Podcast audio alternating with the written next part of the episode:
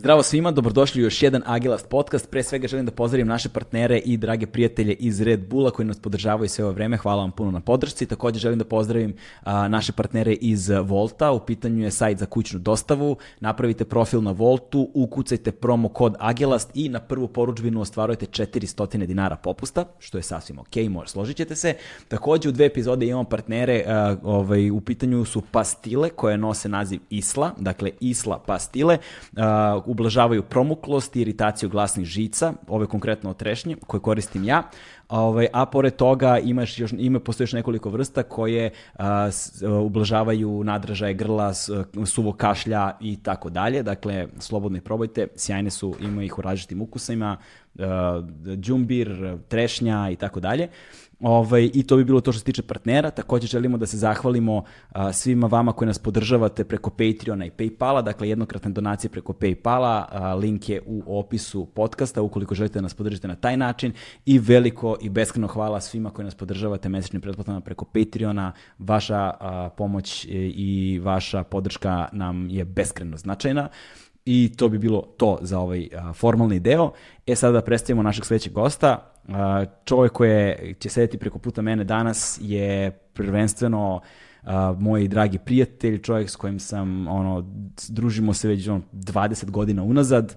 Um, i u pitanju je Ivan Jović, poznati kao Ikac, uh, deo VIP dua, deo Basivity ekipe, čovjek koji radi mnogo što što u životu, ali se posljednjih deseta godina dosta redko pojavljuje kao izvođač, ali kad god to uradi, bude sa velikim bumom, njegovi singlovi postanu vest, zbog čega mi je veoma drago, kao što je bilo prošli put sa Miladinom Šobićem, kada je objavio pesmu od druga do druga, sada je objavio pesmu koja nosi naziv Svečane bele košulje, koja je zapravo obrada istoimene pesme iz filma Crni bombarder sa Anicom Dobrom je uradio i spot koji je napravio veliki odik u javnosti, to je povod da razgovaramo, ali nije to jedina tema o kojoj ćemo pričati. Dakle, moj sledeći gost, Ivan Jović, Ikac, uživajte.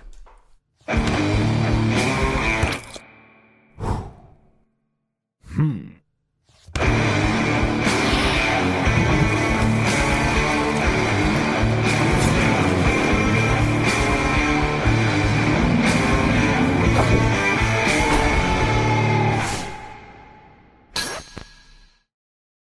To ti je otprilike koncept kao sa ajkulama, znaš. Ovaj, kada, kada... Ona stane i. Umre, umre. Znači, ajkule, ajkule se kreću i kad spavaju. Oni, moraju, oni su u stalnom stanju kretanja. Stalno, da, da, mislim da sam to negde čuo i da, da ona zapravo tako i diše. živi diše, da. Da, da, da, zato što vode u, u, ulazi kroz krge i znaš, na taj način ono pumpa sebi ono, organizam je bi ga i tako da mora da se kreće i kad spava. I Dead, mislim, dead sas. Da, da, da, Mi i ne može da ide onda neke kao ajkulje. i ne može da ide unazad. A drugi ribe? Eto više znam. Ima riba koje mogu da idu unazad. Stvarno, da. Da, da, da, pa one, po, posebno one što žive u koralnim sprudovima, na što ulaze i izlaze, aha, aha, aha, jest. znaš, izviri da vidi da li je sve safe i onda nazad. Kapiram da, da, kapiram da manji broj predatora ide unazad, ono, a da veći broj ovih žrtava kao ume da idu unazad. Pa da, zašto oni moraju da zapale, a ovi, brate, idu samo napred. I ništa. to je, brate, da li smo, da li smo u životu ajkule ili smo, brate, ove, ove s koralnog grebena. Pazi, sve ima svoje vrednosti, sve ima svoje prednosti. Tako je. ovaj, ali u kontekstu toga što mi pričamo, Da.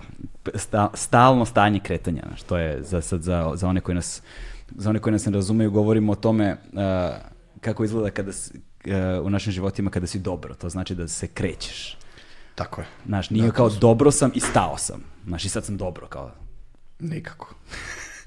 Kad stanem nisam dobro. Da. Zapravo je kretanje, da, t- kretanje je ono što te održava i to taj neki cilj koji do, ka kome sve vreme, ko, koji menjaš i modifikuješ i stalno ideš ka njemu Da. je zapravo to u čemu se očigledno ja i ti razumemo da se tu osjećam dobro, dok god to sve pravim, stvaram, stvaramo, pravimo, dotle smo dobro. Da. Kada, Da. kada stane, onda se ne osjećamo dobro.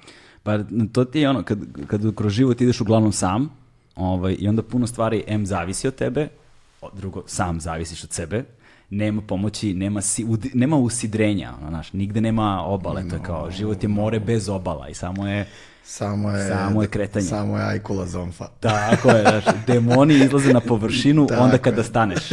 Znači, Pa jeste. Znaš, ja sam, ja sam provalio ovaj, pre nekoliko godina i onda kad smo zajedno vežbali, Tako blejeli ima, i ima to. nekoliko godina, da. Ima dosta godina na tome, skoro Pet, 10, šest? 10, Stvarno? 10 godina skoro na tome. imam. 2011. Opa, 2011. da, brate, 2011. 2012. 10 dina, brate. Svaka nam čast. A, jesi vidio? Sjajno, dobro. Ovaj, I- e, ta, tada sam ja počeo otprilike da implementiram polako, ono, nesigurnim koracima, ali je to sad 10 godina kasnije već dosta čvrsta struktura ovaj, Principa. principa, tako je da, u, principi koji mi održavaju dan, tako da dan ima smisao. Da, i da je samo održiv. I da je održiv. Tako je, tako je. I onda kad god sam u nekom, kad god padnem ili poletim previše ili kad sam u bilo kom stanju psihičke, emotivne, ovakve ili onakve nestabilnosti ili kada sam u nekoj raskrsnici da ne mogu da donesem odluku. Znaš, ne znam šta je dobro, šta je loše kad mi je razmagnetisan kompas. Onda šta uradiš? Onda imam te rituale u, u toku dana. Da je i onda sigurno. Da je sigurno i da je to je safe i to je to ne znači da ne želiš da izlaziš iz komfort zone, čisto da se, da ne- ali, ali gde znaš da je sigurno, da je dobro i da je ispravno. Onda kada si iskušao sebe, možda se osjetio nesiguran, ti se vratiš u te dnevne neke rutine ili ne moraju da su dnevne, možda su i jednostavno neke rutine koje su, koje su dokazano dobre. Da, da, I, to. ovaj, I onda ih radiš. Vidiš, razumem to, mislim da, da, da, da pričaš na neki način i moju, moju priču, mislim zato je sada izgovaramo među Da. sobom, zato što nas dvojica umemo da se i razumemo dobro. Sad je samo fora da nas i drugi razumeju. da, da, da, nekako smo krenuli spontano u, u, priču, zato što ona tako kod nas uvek i, i ovaj, takva se priča uvek i iznedri. Ovaj, ali do, do, do- jako mudro zboriš i sve što si mi rekao sada mi baš ima smisla i mislim da ću iz, razmisliti još malo Da. da. sam u tome. Pa jeste, znaš kako, jer, jer kad, kada sam u nedumici i ne znam šta da radim i ne osjećam se dobro, ne osjećam se lagodno, onda se, kao uzemljenje, ono, vratim se tamo gde je safe i onda kroz te rutine, kroz te, ono, da li su to neke repeticije, da li su to ponavljanja određenih stvari ili, znaš, nešto ritualno svakako mora da bude. Da nekome to teretana, nekome meditacija, nekome šta god, ali nešto jeste. Nešto jeste i sigurno je, je, je oslikava i deo tebe i, i to si ti Da. i onda jednostavno se tu samo nekako kao povratiš, jel? I da, da, da bi mogao da, da, da nastaviš dalje. Kad se oduzmeš, moraš da se sabereš, brate. A da bi se sabro, da. mora da se da se oduzme. pa jeste, brate.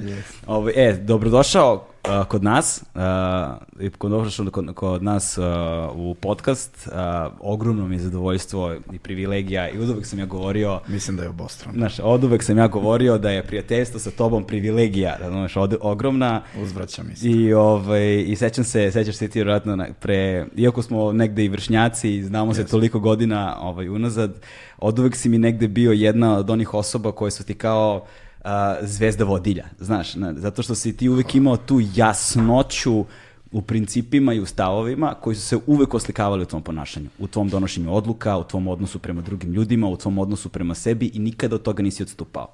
I ono što mi se najviše dopadalo oko tebe jeste što si uvijek bio sposoban doneseš odluku na osnovu stvari u koje veruješ, bez obzira na cenu te odluke. Znaš kao, jebi ga, Ovo u, dobro u ovo verujem, brate, razumeš? I onda se držiš nje bez obzira na cenu koju ćeš da platiš.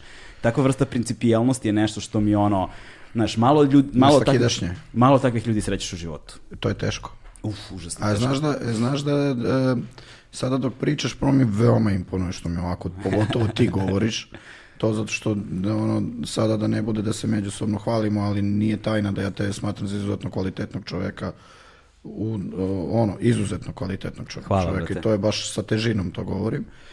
Ovaj, ali e, to što si sa, e, to poslednje što si naveo tipa da odlučiš i da se držiš toga, nevjerovatno to je izlao u mom, mojoj strukturi ličnosti. Ja bukvalno ne mogu drugačije. Da. Čak bih nekad i poželao da, da ajde napraviš ustupa kompromis nečemu da ne, ne jednostavno organski, organski mi ne dozvoljava telo tiltuje na, na, na, na drugo i to nosi sa sobom ne, nešto što ovako svakodnevno ljudi umeju da na da nazovu, ako vidi ga malo je osobenjak, malo je tak naš drugačiji, neće da se prilagodi.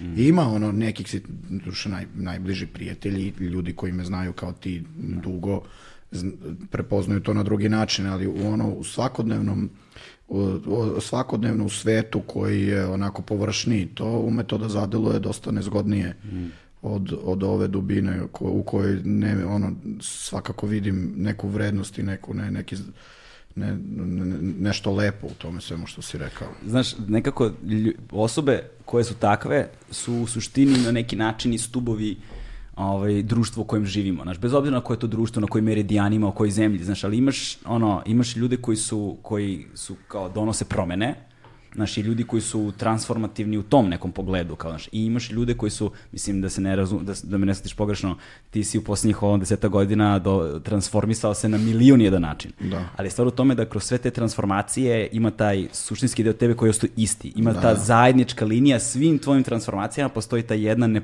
konstanta, nepromenljiva.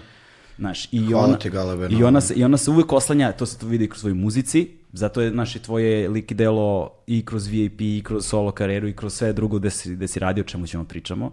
Ovaj, uvek je postojalo to, kad čuješ Ikca, znaš da je Ikac, brate. Znaš, znaš da je divno, razumeš, da. vidiš tekst, znaš, na ono, kao ono ocenjivanje rima što imate na Basiviti, razumeš, kao, ma pročitam tekst, ne moram da ga znam, a ja ga čitam, Ali ne čujem glas. ali ga prepoznaš. Ali prepoznaš, brate. Da, da, prepoznaš ko je, znaš, ima, ima, nisi jedini, ima takvih ortaka još, razumeš, Dobro, znači, ima, ima, ima vas dosta. Za trenutak sam pomislio da sam Ima vas dosta, ali je, ali je ono, znaš, to je jedno, to je jedno od odlika ovaj, ovaj, ovaj, tebe i celokupnog tvog stvaralaštva i zašto se uvek, znaš, ono, redko objavljuješ u posljednje vreme muziku, a kad objaviš, bum je, brate. Da. Kad E, objaviš u trendingu je, brate. Je, da. Re, Relja mi je rekao, šta si ti bre trending, brate? Šta trending ti objavljuješ? Ja kao što on kao, brate, uopšte nisi ti taj tip, ono. Da, da, da. Znaš, kakav trending, ok, u posid, u redu je, ali van, van tog konteksta. I imalo je smisla to kad mi je rekao, nije naravno rekao to zlonamerno. Zapravo da čisto ljude koji nas gledaju i slušaju, e, pesma Sečane bele košulje koja je izašla u zadnjih mesec dana, možda dve, tri nedelje ima, e, je upala na trending. Zašto uopšte jesmo očekivali, nismo očekivali, ono... Nije se o tome razmišljalo, nije se kalkulisalo. nije se kao, pritom ja nisam, ja nisam izdao, već to po- spominjem par puta da god se pojavim, ali deseta godina ja ništa nisam izbacio ozbiljno da to ima nekog smisla. Bukvalno sam sve što ti kažeš, evo sad smo pričali o transformacijama, po milion i jednu transformaciju sam napravio, nijedna nije bila u muzičkom smislu, nego je bila onako privatno, neki afiniteti, od- bilo je poslovno karaktera i to, ali sad se konačno desilo nešto što što je muzika i što je sad kada, kada je poprimilo taj neki oblik kroz pesmu, motive, spot, to je ušlo na trending na, na, ovaj, na YouTube-u koji je meni nešto sasvim novo, iako ja živim u ovom svetu i to, ali e, u moje vreme YouTube je bio samo YouTube. Nije imao neku vrednost. Nije to bilo ko je prvi, ko je 17 i Da, to. da. I koliko se tu brzo ulazi i kako i zbog čega i i ovaj i onda smo onda je onda je ta numera koju o kojoj ćemo verovatno još pričati upala i ona je van van ovaj generalno bi trebalo da je van trendinga i van trendova ona bi trebalo da je trebalo izvinjavam se trebalo da je samo za sebe. I pričao sam sa Reljom i on mi je iskomentarisao da se čuvam toga jer zato, za, moram da odaberem u životu da li ću da budem u trendingu ili ću da budem ovaj, ne, nek, nešto drugo. Pa da, ima smisla i ovaj, mislim da je to jedna od vrednosti koja, koja je donešena sa tvojim numerom, sad, znaš, van njenog kvaliteta, van onoga šta je ona U muzički. osnovi, u osnovi, u osnovi jel? da, u osnovi, znači van, onog, van, van njenog muzičkog dela, znači to ćemo da komentarišemo kasnije. Dakle, stvari u tome da a, ima, ima i, em, ono što se dešava poslednjih deseta godina i više, posebno deseta godina aktivno, onako baš možda i više na, na online prvenstveno, jeste da je e, koncept muzike kao robe ovaj, postao dominantan, mainstream. Jeste. I, ovaj, I to znači da se onda ako je muzika roba, tretira kao roba. Znači to ima gde se plasira, ima način na koji se pravi, imaju ono stilske odrednice, ovo, su, ovo je sad trend, ovo je sad fora, ovo se sad pravi, nama treba lova. I osnovni motiv je lova. I to su ljudi koji pričaju o trendingu. Znaš, Da. to su ljudi koji pričaju o trendingu, kojima je to poslovni model. Znaš, Tako je, koji, tako je, kojima tako to važno. Pretvorili su ga u posao, da. Otvorili su ga posao i, na odmah da se razumemo, ja nemam ništa protiv toga. To je Legitimno. potpuno legitimno. Evo, bojice se slažemo to, da. Tebra, ono, znaš, ako tamo neki mainstream izvođač pre 30. godine uzima neke milione, ono, legalno, nikog nisi lago, nikog nisi prevario, sve si uradio kako treba. Potrudio si se. Potrudio si se, tu je ogroman trud uložen. Da, da, da, da, da. Skoro sam baš razgovarao sa Hanom na tu temu. Vrlo je nezgodno komentarisati negativno bilo čiji trud i, i, i ovaj angažman i, i e, na kraju krajeva način na koji je neko iskoristio priliku da e, sebi e, obezbedi da od nečega što na neki voli, ne, neminovno i zna da radi, napravi posao, a tu pričamo o muzici ovaj, i o repu koji je onako dosta između nas, pogotovo ljubitelja te vrste muzike, onako što u emisijama kao što je tvoja, što privatno razgovaramo gde je to rep otišao, šta je to sad pravi, prava ta muzika, naravno ja sam jedan od predstavnika nje i ovaj i e, nezgodno je komentarisati negativno ili bilo kako, bilo čiji trud, mislim da je to svakako za poštovanje i oni su iskoristili sistem i svaka čast, tu su sve dobri momci, dobri ljudi, kvalitetni, ne može iza bilo kakvog uspeha da stoji nerad, apsolutno mora da stoji vreme uloženo i, i, I i neko znanje i ne sme, vrlo tre, je potrebno biti oprezan oko, oko komentarisanja Tako je. I opet na kraju, ako nešto nazivamo alternativnom muzikom ili alternativnim muzičkim pravcima ili alternativnom kulturom, zašto se zove alternativna? Zato što je alternativna u odnosu na nešto. druga opcija. Da druga opcija, druga opcija je popularna. Tako znaš, je. A popularna muzika Je pop. Je, je pop, ona koja se najbolje prodaje. Tako je. ona koja je zapravo razlika između popularne narodne muzike u suštini je što je narodna muzika izvire iz naroda, Tako je. a popularna muzika je proizvedena i plasirana u narod. Tako je. Tako Tako, da- da... I ima nek, ne, ne, ne, kao što i alternativna ili ta neka druga muzika ima neke svoje n- e, odrednice, nisam razmišljao o ovome sada, ovo me iznenadilo malo, ali ću probati da budem, da budem koncizan. Znači kao što ta alternativna karakteriše je o, o, karakteriše nešto tako i popularnu muziku da bi bila popularna moraju da je karakterišu neke stvari. I obično je popularna muzika dozvoli mi se da kažem, uspešnija, mada je pitanje šta je uspešno za, al, za alternativce je nešto uspešno za ove, ali kao pričamo o, ona deluje uspešnije zbog možda brzine prihoda koje ostvaruje i tako nekih stvari koje Prvenstveno prihodi i Tako je. ono masovna popularnost. Tako je, ovaj, ona ima svoje, svoje te neke parametre i to isto bi trebalo znati i napraviti Mhm. i, i slobodan čovek ima i da bira kao izvođač i kao slušalac To šta kažem. želi da... To je zanatski dobro urađena stvar. Tako je, tako je. Ti kad hoćeš da radiš zanatski bilo šta, hoćeš ovaj sto, kao što su moji drugari iz ovog šerifa napravili ovaj sto, ili kao što hoćeš, ne znam, dobru kafu. je Neku, bruka. znači, kad hoćeš, hoćeš kafu, razumeš, ono, od- odeš kod nekog ko ume to dobro da napravi. Razumeš? Tako je. Zato što je to najpopularnija kafa u gradu. Jebi ga, brate. I da, to ne znači da, neću, da, ću, da ću prestati da pijem zbog toga. Tako je. Znaš. Da, da, da, i, i, i sad opet razni su ljudi i, i neki to osuđuju, ne osuđuju, hoćeš, nećeš, ali ja sam uvek za to da čovjek bi trebalo da ima pravo da odlučuje šta ga e, lično čini zadovoljnim i odaberi pop, dobru kafu, šerifov sto Da. ili na kraju krajeva moj rep koji je malo drugačiji i ovaj malo izne, je iznenadio, ali svakako na slobodnom čovjeku je da odluči šta, šta želi. Uh, moja omiljena definicija pisca, a to pominjem zato što se povezuje upravo sa ovime o čemu ti pričaš, moja omiljena definicija pisca je definicija koju je dao Meša Selimović. Da li su mnogi, re- mnogi ljudi su dali definicije pisaca, ali ovo je meni najdraža. Kaže, pisac je čovek koji ima potrebu da krikne u prostor ono što ga muči. Znaš, i ovaj, to znači da on zapravo a, krikne u prostor. Dobro, onako, dosta mi je, kao sad bi zamislio neku koja izlazi, ovaj, znaš, Ja, sa, znaš, vizualizujem. da. E, dobro je, dobro je. Znaš. Da, jak, jak mi je krik. Da. Krik mi je možda čak i poziv da, kao da je bol u pitanju. Mhm. Pa nešto, se, sam se za trenutak osetio nelagodno u tom, Da, tom ovaj, to je to je ovaj, ta, karakterizacija jel, tog, ali. To je u suštini prenešeno značenje da, da, da, je, da je nešto sazrelo u tebi što mora da izađe napolje. Znači, kao naš, znači da, da, da se to otrgne od tebe, da ti to moraš da uradiš, da je to sad tvoj autorski izraz gde želiš da kažeš nešto, želiš da pošalješ nekakvu poruku i to je nekakav imperativ. To je autorsko delo. To je imperativ. To ono, osnovni motiv je ja nešto želim da kažem. Znaš. A onda šta će da bude kao, ako dođe Posle- popularnost, da. ako dođe Aha. lova, super, super, ali nisam zbog toga uradio. Ja mislim da si sada odlično rekao odlično rekao nekoliko rečenica o, o razlogu zašto sam izbacio baš sad tu pesmu Svečane bele košulje koja je obrada e, Svečanih belih košulja. Svečanih belih košulja iz filma Crni bombarder i koju je radio Gile, Orgazam i, i e, Vlada Divljan. U izvođi, izvo, inače izvodio u originalu Gile, a onda je ova Anica. Ja sam sad nadovezujući se na ovo što si rekao, Da. Krik, svi utisci o kojima smo opet i pre par minuta pričali o muzici, šta se dešava, da ja to na neki način, a znam da i ti, pošto si veliki ljubitelj muzike, raznovrsne, doživljavaš, proživljavam ja i kao slušalac i kao izvođač.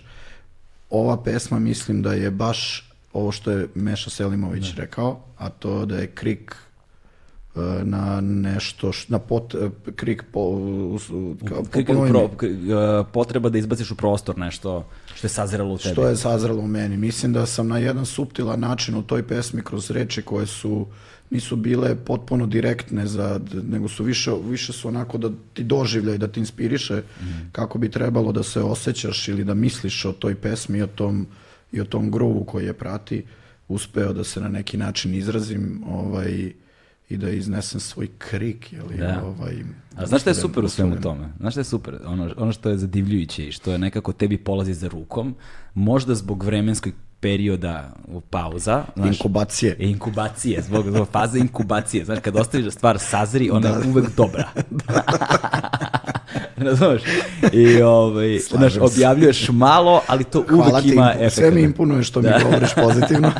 ja tebi Vojvodo, ti meni serdare i Pa, obrnuto. ja se pa, pošto se mi baš volimo, pazim da ova emisija ne preraste se zagrli. da, ne preraste u bromens neki ono Da, da, ozbiljan. da, da. Ovaj, um, uh, stvar je u tome da, na- naš, i pre toga kada je bio, ne znam, sa Miladinom Šobićem, razumeš, kada se E, od druga do druga, druga, ne, uh, des, desi- desila se vrlo slična stvar. Znaš, desila se vrlo slična stvar. Znaš, ti pogodio si jednu žilu, pogodio si trenutak, pogodio si emociju, atmosferu i pogodio si poruku. Znaš, ona je rezonovala sa ogromnim brojem ljudi Da. Znaš, svima je, ono, znaš, kad, znaš one jednostavne istine koje kad vidiš, bude ti kao, pa kako ovo nisam vidio ranije. Da, to, e, pa ovo je toliko bilo očigledno kao. Da, ovo, da. Je, ovo je kao, jo, pa on kad tako jednostavno kaže, onda je zapravo to- stvarno to tako. A da, ali to je, znaš šta je, to su, to su, em, mislim, ljudi idu kod psihologa, pa onda ti uzmeš i kreneš da mu pričaš ono, klupko neko koje si, namo to ne umeš da ga rasklup, ras- znaš, neke fioke koje si, u koje si pogurao silne papire i dođe baja i kaže, ništa, brate, sad lagano, samo ti ovo ti zapravo izgleda ovako, ovo ti izgleda ovako, ovo ćeš da poslažeš po ovim fiokama i na neki način ja sebi ovaj, dam sada za pravo dok kad si ti već ovo rekao da je ta jedna pesma i na neki način počeo sam da, da, da zaključujem da imam tu veštinu da u nekim momentima nešto što, što je što je na izgled onako i u- priči i u doživljajima veliko uspem da ga provučem na neku niti suštinu kroz ono u nekoj pesmi koje su retke u mom slučaju, ali tada kada to nešto uradim, onda uspem da gurnem tačno ono što ili ispredem ono što su što što je što je što je suština, ajde tako da kažem. Ja I- sam jel previše filozofija? Ne, ne, ne, ne, ovde ne može previše da se filozofira, znaš kao, ovde, ovde može samo ono premalo da se Kao ovi filozofira. ljudi što nas gledaju kao što ovaj priča, klik. Znaš, ili slušaju. Da, slušaj, prosto. Ovaj, um, n- smešno mi je kada ljudi počnu da komentarišu, znaš, to, je- to su neki komentari koji, sam- možda najčešći komentari koje sam video, znaš, u kontekstu hvalospeva do duše, ali kao, znaš, zašto ne objavljuješ češće, kao moraš, nemoj nikada da prestaneš i to. Ja sam u fazonu, prvo, pod brojem jedan, čovjek ne prestaje, znaš, samo ima ono faze sazrevanja, određene stvari koje želi Bravo, da kaže. bravo. Nije on ni u jednom trenutku prestao, znaš. Prestati je nešto sasvim drugačije. Da. Ovaj, a druga stvar je, ukoliko budete tražili više, možda to neće biti to kvaliteta, znaš. Ne može. A i osnovna stvar kod ljudi kao što si ti je ono, kako kažu, prvo pravilo industrije zabave u Americi, leave them wanting more. Znaš, kako- Opa, o, to nije, to je ispalo tako, je ispalo, da. to ispada tako, ovaj, ali nije namerno, bukvalno je prirodno, Mm. ovaj, e, d- d- mislim ja radim u jednoj, ja uvek sad, ono, to kažem, mislim uvek sad u zadnje vreme, pošto je se intenziviralo od izlaska pesme, pa imam prilike malo da razgovaram sa divnim ljudima češće kao što si ti. Hvala. Dosta je bilo, ajmo. bre. Pričaj o svojoj šljaci, brate. ovaj, I tamo su me često pitali kao zašto ne radiš, ne radim, nije mi bilo jasno zašto, ali sam sa izlaskom moje pesme i sa, sa pristupom koji smo napravili i, i Relja i, i, i, i, Basiviti i, i tu je negde naravno uvek ja kažem ne mogu da iz- neizostavno i sobi tu okolo. Ovaj, e, shvatio sam da, ne, da, da u mom slučaju o, frek, f- frekventnije, iz, frekventniji izlaz, frekventnije objavljivanje pesama bi naškodilo sigurno toj nekoj težini koju mislim da imam, koja je vrednost u mom slučaju. Ovaj, i mislim da ne bi trebalo da, da, da, bud, da, da se izbacuje muzika, u mom slučaju kažem, ne kažem za ostale, e, brže nego što, što bi trebalo, nego da bi u, u, u što pristojnijoj mjeri trebalo da postoji taj period inkubacije, jer ja očigledno o nečemu razmišljam, smišljam i na kraju to kad smislim ono poprimi neki oblik Da. i ja se onda žustro borim da to, da to izađe, a kažem žustro zato što smo imali rasprave sa, sa Reljom. To mi je presimpatično sada da, da, da spominjem. Naime, pesma kada je obrađ, kad sam ja to doneo, usnimio i to, Relja je rekao ovo je nešto što uopšte nije aktuelno. Ajde malo nešto da vidimo i onda smo razmatrali promene, za što ja apsolutno nisam bio. A promene su? Pa trebalo bi malo da to prilagodimo, da aktualizujemo. Na, da navedi konkretne primere, šta, kao da bude trap. E, Nismo, ni- nismo došli do nečega, Da, da. znaš, Aha. samo je razmatrano i uz e, dobronamerne komentare. Jasno, jasno. Ni- Nije, nije ništa, i to što su oni govorili, sve je bilo na mestu iz tog ugla. Da. Ali ovaj, em, na kraju sam ja, da bi ostalo to što jesam, ono, bio u fazonu ljudi, da bismo bili drugari.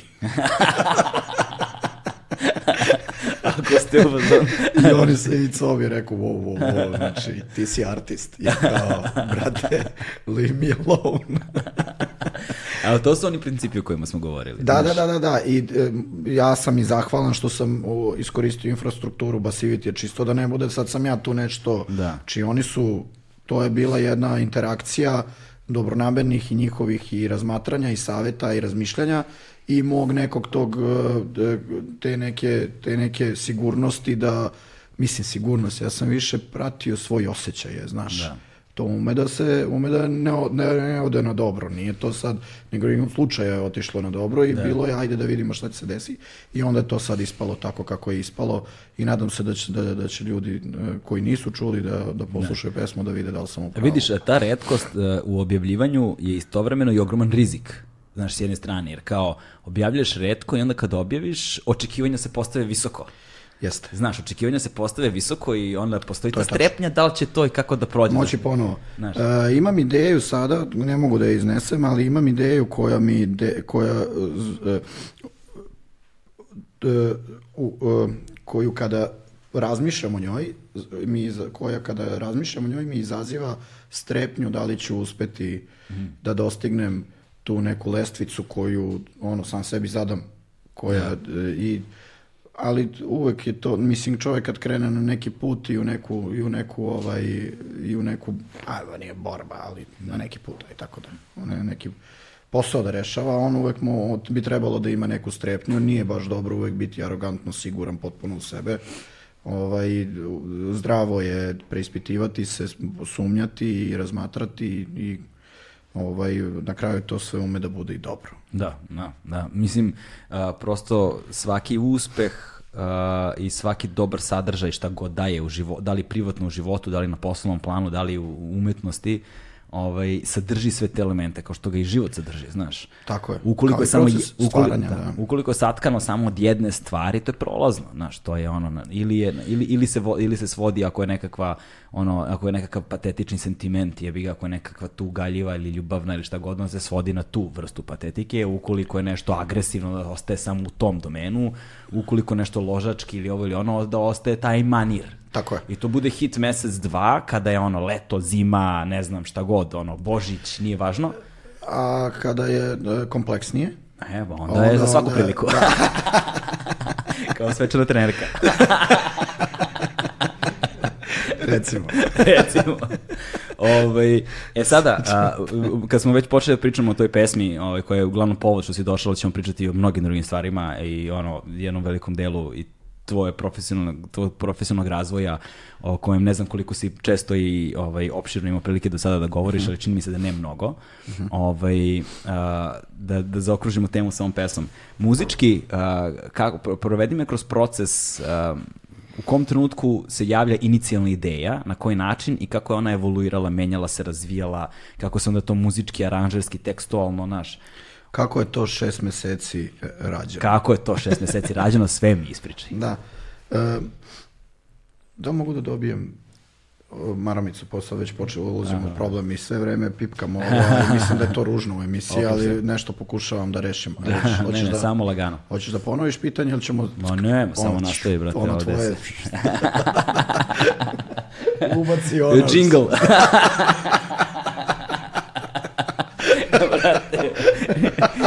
sva sreća, brate, sva sreća s televizijom smo završili zauvek, nadam se. Jel tako? Ovo je mnogo tebi lakše. Popričat ćemo to. Pričat ćemo, pričat ćemo. Ne, ne lakše, uh, smislenije. Smislenije je možda bolja reč. I zato možeš što- bolje da se izraziš tačno ono i da je, ti, za- moram ti kažem da si ti na neki način umetnik ovde. I, e, a, gledaj, e, z- ti ovde si, e, dozvoljeno ti je, s obzirom na okolnosti i na tip, verovatno emisije, da zapravo se izražavaš kroz, kroz nju, ovaj, e, dovodeći e, e, goste koje, za koje smatraš da su, da, da su, da, da su za ovu emisiju i za tvoj ovaj n- za, za, za razgovor sa tobom generalno i za teme koje, koje su tebi ovaj tako da mislim da si na neki način i, i neko ko, ko, ko nešto s- Znaš kako, prvenstveno ovaj, desilo se baš mnogo loših stvari u medijima generalno. Mhm. I to se nije desilo preko noći. To, se, to je počelo se dešava davno i ono je to je imalo pre svoju... deset- aha Pa I to je imalo više. svoju evoluciju. Ne, više, više. Znaš kada je to otprilike počelo se deš, dešava? Ja, ja sam počeo da primećujem te formativne a, promene a, recimo posle 2000, recimo 2003. 4. 5. otprilike su bile prve naznake. A, kada je celokupna muzička industrija globalno pukla zato što se pojavio MP3, pojavilo se download, pojavio se ono peer-to-peer, naš, piratizacija muzike i onda kao nosač zvuka kao koncept je nestao. I ne samo u muzici, to je desilo sa filmom, torrenti su počeli se pojavljaju i tako dalje, nije bilo kontrole interneta. Ovaj, sad to ima svoje dobre strane. ali, ali se, su se spustili očekujem da mi kažeš da su se spustili neki nivoi koji Ne, nego, do, nego, nego, nego in, industrija, ono, znači industrijski magnati globalno su počeli i sa pojavom interneta, jel te, između ostalog, koji je omogućio sve to, desila se evolutivna promena, ono, u psihološkoj konstituciji čoveka, s jedne strane, i poslovnih modela s druge strane. Znači, i ono što su nekada bili urednici, su postali menadžeri.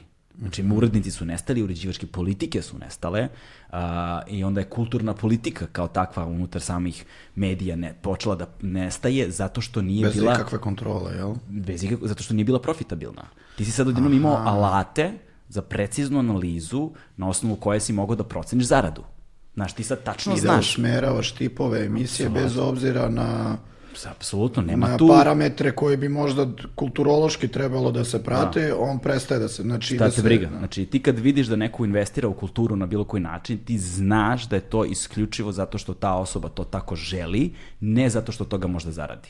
Aha, da, da, da, da. Ako zaradi, ako se ispostavi da ima neki hit i da je to super, super, carski, kao s tvojom pesmom na kraju kraja. Da, da, da, da. Znači, znaš, ali inicijalna ideja, inicijalni motiv da radiš nešto drugačije, što, što nije dokazan poslovni model, nije moguće u sistemima. Znaš. Ali, s druge strane, ti je evolucija do, omogućila da zapravo ovakav jedan format.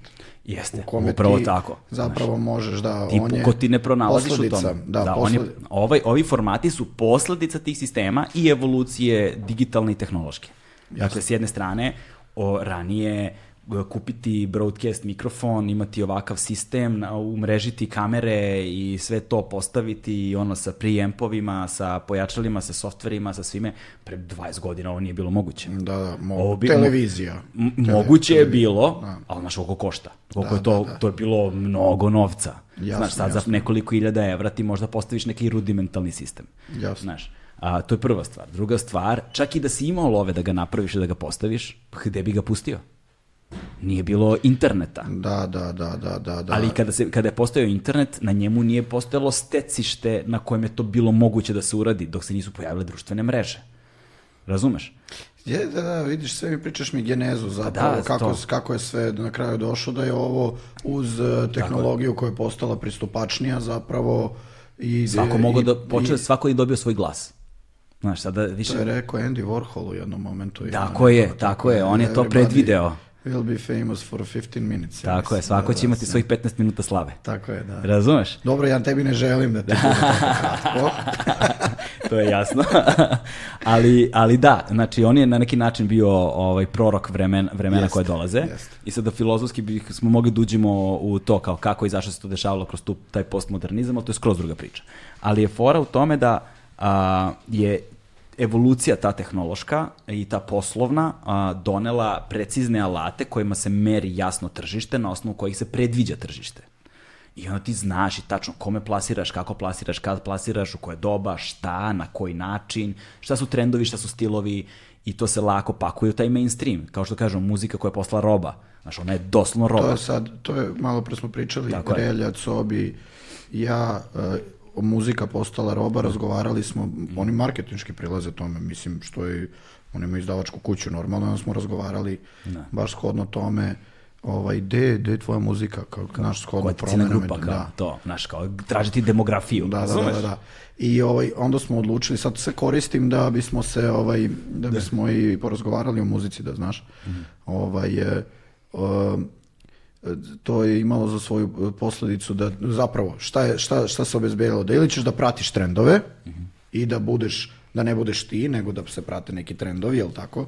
Znamo šta su danas trendovi kod nas u tom televizijskom Da. smislu i ja sa moje strane da, da li ću da pratim trendove ili da budem na neki način svoj i drugačiji i da odradim ovo i hvala, hvala, hvala da- današnjici što nam omogućuje da budemo svoji. E sad, ono što je ironija celokupne situacije jeste da upravo ti alati koje je tržište stvorilo, znači upravo ti alati koji su omogućili tržištu da se ponaša na taj način, su postali isto ti alati koji su nama sada sredstvo da se borimo protiv tog tržišta. Tako je i vaša znaš. prednost, da, koju e, koristite u svoju Tako, u svoju da, korist korist, svoju naš, korist, korist, ali kontra njih, naš, ovi formati ne bi bili živi na ovaj način da ne postoji zasićenost onim drugim. Znaš, sve postoji kao odgovor na nešto, ništa nije nastalo samo od sebe. I ono, da, mislim, po, tako je. I Znaš, sad, ste vi, tako je. sad ste vi poprimili tu formu koja ste do, do, šire dostupna Tako, znaš, i ovaj, sad na ljudi osnovu- i na osnovu postoji, situacije. i postoji jedno zajedničko osjećanje prezasićenosti, banalnosti, ono trulosti Površnosti, celokupne stvari, ono prolaznosti svega i ljudi imaju potrebu da pronađu neki sadržaj koji će da im da nešto. Nešto nakon čega će da budu u fazonu, brate, ono, ono osjećam se kao da sam se istuširao, razumeš, ono, skinuo bravo, prljavštinu bravo, neku sa bravo, sebe. Bravo, bravo, bravo, Znaš, bravo, bravo, bravo. a taj sadržaj mora da komunicira tu neku poruku. Znaš, sad ona može bude implicitna i eksplicitna, znaš, neko može da kaže ono prst u oko, ovo je poruka, a neka poruka, negde poruke mogu da budu podvučene i Suptilnije, da, ispod, da, što meni kao čoveku više možda Tako, prija. pa to je. To si ti, To je to, sa, sazrevamo s godinama, znaš, ono, in your To taj face. tvoj fazon. Znaš, da, in your face je u teretani kad stavi slušalice. A ovako u radzeru je malo ovaj, suptilnije. Suptilnije malo, znaš, uživaš u dobrom vinu Tako toga. Znaš, rakije su, znaš, Pa. šansi, rakijama se uživa isto tako. Dakle, um, E sada i tu, tu, tu, nastaje ovaj, tu nastaje ovaj format, znaš, tu u tom nekom praznom prostoru koji se otvorio i ja vidim po reakcijama negde ljudi, znaš, kao kad sam ušao u taj prazan prostor, tek sam tad video da taj prostor prazan. Nisam ja znao da je taj prostor prazan prema što sam ušao u njega. E, sad volimo ovo što, što, što ću ja ti kažem, ali si se usudio da uđeš. Da, da, da. E, pa to je ono što, zbog, o čemu pričamo. Znaš, ti si se usudio da objaviš pesmu posle je. 10 godina pauze, ne znajući Tako kakav je. će efekt da bude. Tako je, i, ali al sa nekim, mislim, ovo će i da bude sigurno u tvom slučaju. E, bio sam siguran da to želim.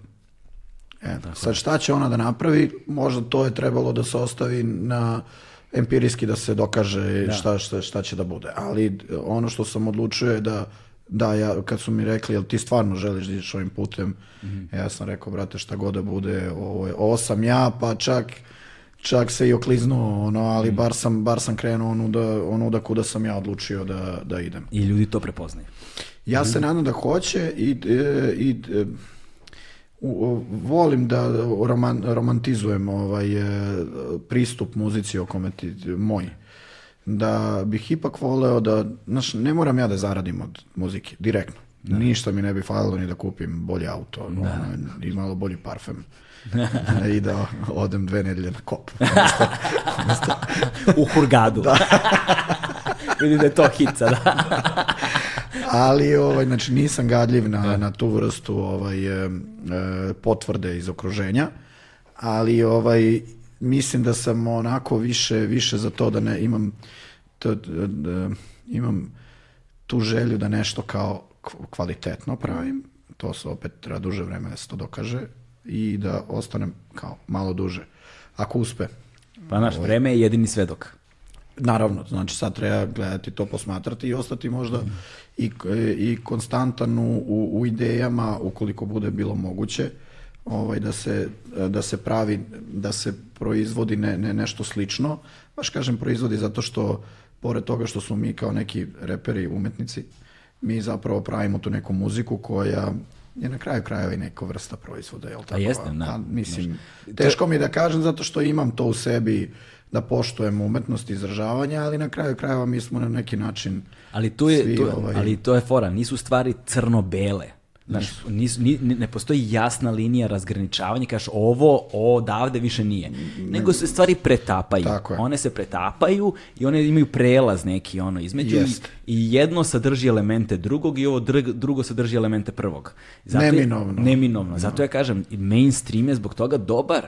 Znaš, to što je to roba, to ne znači da tu nema dobre muzike, evo. apsolutno. Tu ne znači da tu nema dobre estetike, tu ne znači da tu nema nekog dobrog vajba, znači, tu ne znači da nema, ne postoje raspoloženja i stanja i trenuci kada meni ta muzika prija. E, Znaš gde je sada i ovo, će, ovo mi je super što si sada rekao, zato što mi daje uvod u sledeće, gde možda ja lično, to je slično ja, e, vidim da je problem kada mnogo ode u taj mainstream, šta god on bio, možda je čak i pre, pre mekano, ali to nešto što, za što mislim da ljudi osuđuju neke tendencije. A to je kad ode u neukus. Kad ode u, kada to sad sve toli, od tolike površnosti koja nam je ono psiholo... Znaš, šareno nam je, daj da vidim, da je to ono na što nas lo, lo- algoritmi na internetu hvataju na društvenim mrežama na, i nama je takav mozak. Ono, daj što je šareno, to je možda zabavno i onda ono gledaš u to. Na neki način smo ostali deca, ono. Da, da, pa brate, to ti je mozak, ono, nema šta. I, o, I to vrtenje, sad, kad izražavanje muzičko poprimi neukus, tu mi je sad to, ali mislim to može i u alternativnom da bude i u ovom popularnom, s tim da je popularni širi i onda je češće se to desi, ovaj, to ne volim baš da vidim, jer mladi ljudi treba da odrastaju, treba da ne vide neke stvari baš odmah, ono, Da. koje se približavaju, onako, volio bi kada bi, e to je sad moja poruka drugarima, volio bih da se neukus iz nekog razloga, da li sam ostario malo, naš 40 mi je godina, 41. već sada ulazim, pa onda malo razmišljam i šta ćeš ti da zapravo ostaviš i da poručiš. E tu bi volao da malo samo kao, e, znaš, ipak sve to što vi pričate i što radite ostaje negde. Nemoj da ste, da. ste neukusni i da mislite da je to sad sve bez veze što uradite. E to mi je jedina poruka u svemu tome. Ne znam da li, si- da li si me Razumeo sam propratio, potpuno. Da. Znaš što kaže, ljudi, svi bi volili da budu upamćeni, ali malo ko ima šta da kaže. Da. Znaš, a E, i onda još pripazi šta pričaš. Tako je, da. Zato što te ipak neko stvarno sluša i nije bez veze i ovaj, sve što što kažeš i govoriš, m, To, o- da. negde će to da ostane, brate. I sad samo je posle toga da li, razmisli da li se za 5-10 godina stvarno vidiš ili 15-20 u istoj toj poruci i priči to zbog, zbog okoline. Lepo je, to, kažem. lepo je to Oscar Wilde rekao, mladost je potrošena na mlade. Znaš, jer stvari o kojima razmišljamo, Car, počeli, počeli smo sad da razmišljamo, razumeš, ono, poslednjih 3, 4, 5 Da, godina, znaš, da. ni, nisam razmišljao o njima, znaš, kad sam imao 25, išao sam glavom kroz zid i bio sam u fazonu fuck you, znaš. Pa jeste, a to je shodno, a onda, onda dosta puta se izudaraš, pa onda malo si u fazonu. ono, da usporim ja. da. Ne vozi se reli u šestoj baš sve vreme. pedalo do metala, brate. Ne moram ja se ono, nego, a viče demon pored, zgazi, bude faca. A ti kao, polako, brate. Polako, da, e, tu su one rutine. Da, da, da. Znaš, one drže đavole pod kontrolom, razumeš? da. Nahraniš ih i u kavez. Aj si primetio da je usred te pesme o kojoj smo malo pre pričali jedna scena da je đavo zapravo u sredini. Jeste, jeste. Znam, u znam, se- mislim, i pričali smo o tome. Posle si ti meni pesmu... E, jeste, Jeste, bravo, jeste, bravo, da. razmenili smo da sam ti skrenuo pažnju šta je šta, da, da, da. Tako je, tako je, tako da, to je taj đavo koji nam svima sedi negde na ramenu ili stalno nas čačka ovaj, da, da vidi da li smo šmekeri. Mm. Ovaj, a sad čovek uvek bi trebalo da odluči da li je šmeker ili, ili je svoj ili je suzdržan i ovaj, da malo razmisli o tome šta radi. Eto. Ne sme čovjek da podcenjuje moć iracionalnog u sebi, znaš. Apsolutno ne. I onda pokazivati stvari crno-bele. A i da, to da, a mislim da ko to nema u, ono u sebi u genu da odmah prepoznaje, onda bolje bi bilo da se iskustvom nauči na to, jer onda više mm, pazi na sebe, jel? Tako da svako ko je čekao da, svako, svako ko je sačekao malo da nešto objavi, nije pogrešio. Nije pogrešio. nije pogrešio. Ne zaleći se, vrate, znaš, može se odbio glavu. Tako je, tako je, tako je. Hoćeš da se vratimo na, na ovaj... Pa ne, ho, ne, za- ho- na šta? Na, rekao si mi kako je trajao šestomesečni... Aha, da, da, da, da, es, da, hoćemo samo da e, zapomenem, zaključ, zaključim ovo što si pomenuo malo pre sa time kako muzika skreće u neukus.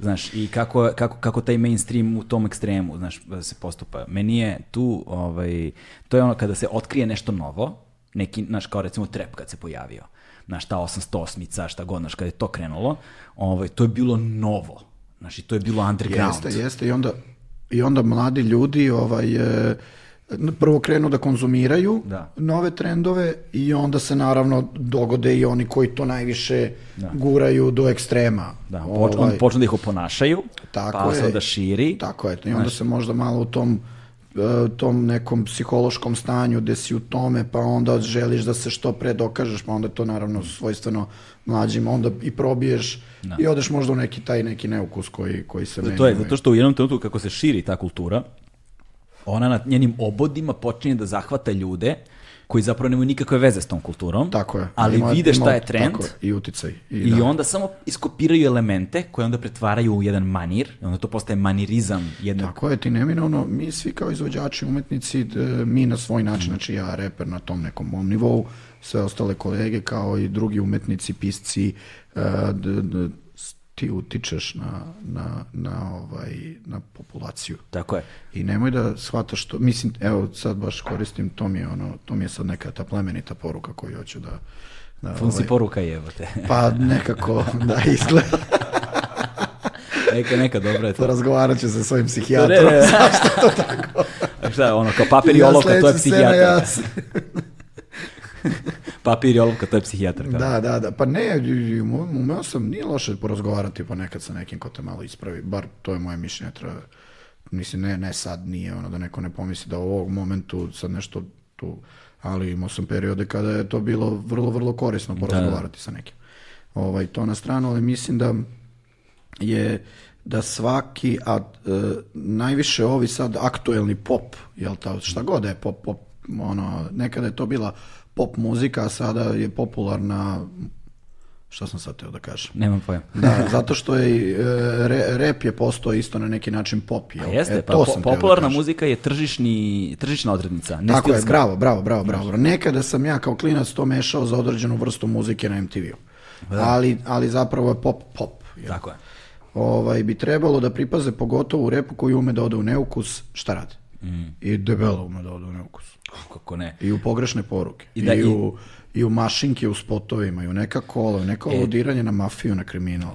Na nešto što je pitanje da li želiš svom detetu koliko god tripovo da si ti ono strava, strava, mislim, ne mogu da kažem i mene je neka demon ovaj vukao za uvo ili za, za, za duksericu ili za jaknu dođe ovamo da, da, ali samo čisto malo, malo da porazmislimo, ništa drugo. Ne kažem da nije nešto strava i da je ludo i da je zabavno, ali imati malo ovaj, To. E, Sad- kao- svesnosti o, o, o, o, o, o tome šta radiš, možeš da kažeš boli me uvo, ali ja sam neki čovjek koji voli da misli na sebe, na okolinu, zato što, kao što si rekao na početku, neki nas je utisak naveo koji je manje više onako da si želeo da budeš sam i da ostaneš živ na ovoj ulici i da budeš i i čovjek kulturan i to je onda neke stvari nisu mogle da prođu u mom životu i da budu bez posljedica i onda samo kažem eto iz tog nekog iskustva treba pripaziti na poruku koju se šalje. kako je neki reper jednom rekao, ovaj, i to mi je ostalo, to sam upamtio, kaže, kaže, znaš ako znaš da su svi ovi što, se, što tripaju kriminal fake, kao, znaš, kaže, u intervju nekom, ne, kaže, kako, ovaj, kaže, a, zato što ortaci koji su, do- koji su otišli s ulice, jedina stvar koju žele u životu je da se nikad ne vrate na ulicu, brate. Nema tu gori. nikad ne priča o Nikad ulici. ne priča o njoj, brate. Nikad ne priča o ulici, brate. Ništa on nema na sebi, brate, ništa, ništa osim želje da bude normalan. Tako je, brate, znaš, samo dalje od ovoga, Tako brate. je, baš ovo si jako dobro rekao, opet neću nikoga da, da, ovaj, da uvredim, da se neko ne, ne nađe prozvan, ovo je bukvalno pozitivna, Mm. e, zapravo poruka koju se nadam da će neko pozitivno. Pazite šta pričate, zato što ne, ne, previše galame, Da. ovaj, nije nešto što, što, što ima iza sebe ovaj, neku težinu. Treba biti mudar. Da, potrebno je biti mudar. Potrebno je, ali to ipak dolazi vremenom. I to, tako. Ovaj, tako da treba imati malo sreće na tom putu, pa stići do te tačke, znaš, da ne, da ne najebeš ono nepovratno. Ovo ti je jako dobro. Da. Ovo si jako dobro rekao. Razmišljao sam i skoro sam sa majkom svojom pričao kako da ja sam ono tog utiska. Brate, preživeo sam. A, onako, naš život je što ti kažeš, malo ti isre, malo zamahne ono mačetom, a ti se sapleteš, ono, proleti iznad tebe, ono i uf, preživeo sam. Da, da. I ovaj, tre, potrebno je to malo, ali smanjivati te, te situacije na minimum ako je i kako moguće, mislim da je ovaj, to jako dobro Znaš za život svakog. Znaš kako mi je Cane rekao u intervju kad je bio... Legenda. Legenda, brate. Znaš kako mi je rekao, kaže, ja sam slučajno ostao živ. Bravo. A nekoliko slučajnosti je valjda nekakva namera. On je genije. ja sam, znači, redko ko, Car, brate, car. redko koga uzmem Da. kao ono vodilju, što se ti rekao na početku, on mi ima toliko genijalne izjave i onda ono, i ona njegova što, se, što je kod tebe bila na, ja mislim, na, kao segment njegov koji ga je opisao kada je bio kod tebe u emisiji, ono, e, Kako živiš bez, života, bez života svog? To, to, to, car, brate.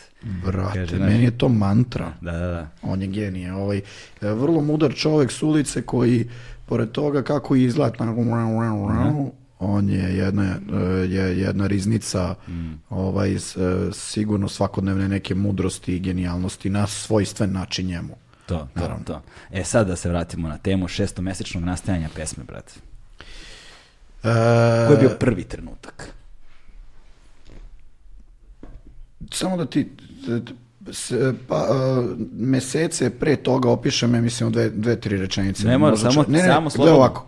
Da li Imamo znači, vremena. Znači, pre nego što mi, pre Aha. jedne tačke u vremenu, koja se zove e, čovek koga ne poznajem, e, Crow Production, kolega koji nikad ga nisam upoznao, beatmaker, koji mi, znači, šalje, šalje na Instagramu, to je tačka u vremenu. Mislim da je ovo za tebe. Tako mi se obraća.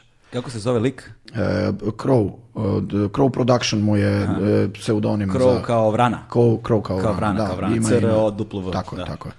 I ljude koji zanima muzika sada iskoristim zato što mi je on pomogao, on je osnova zapravo cel, mog i tvog sedanja ovdje. On je ta tačkica koja je rekla, brate, ja pravim neki rock and roll, rap- radim muziku za strance, ali, brate, ja imam utisak da si ti malo ono, da koketiraš s rock and rollom, zapravo si reper, zapravo ne znamo ni šta si tačno, kao ti si reper, evo ti ovo, mislim da je za tebe. On je to u jednoj rečenici, mislim da je ovo za tebe, ja kao ne slušam, on kao, brate, ok, ali mislim da je za tebe. Ja sam naravno poslušao i onda je nastalo sledeće. O, u stvari sve ovo što je posledica.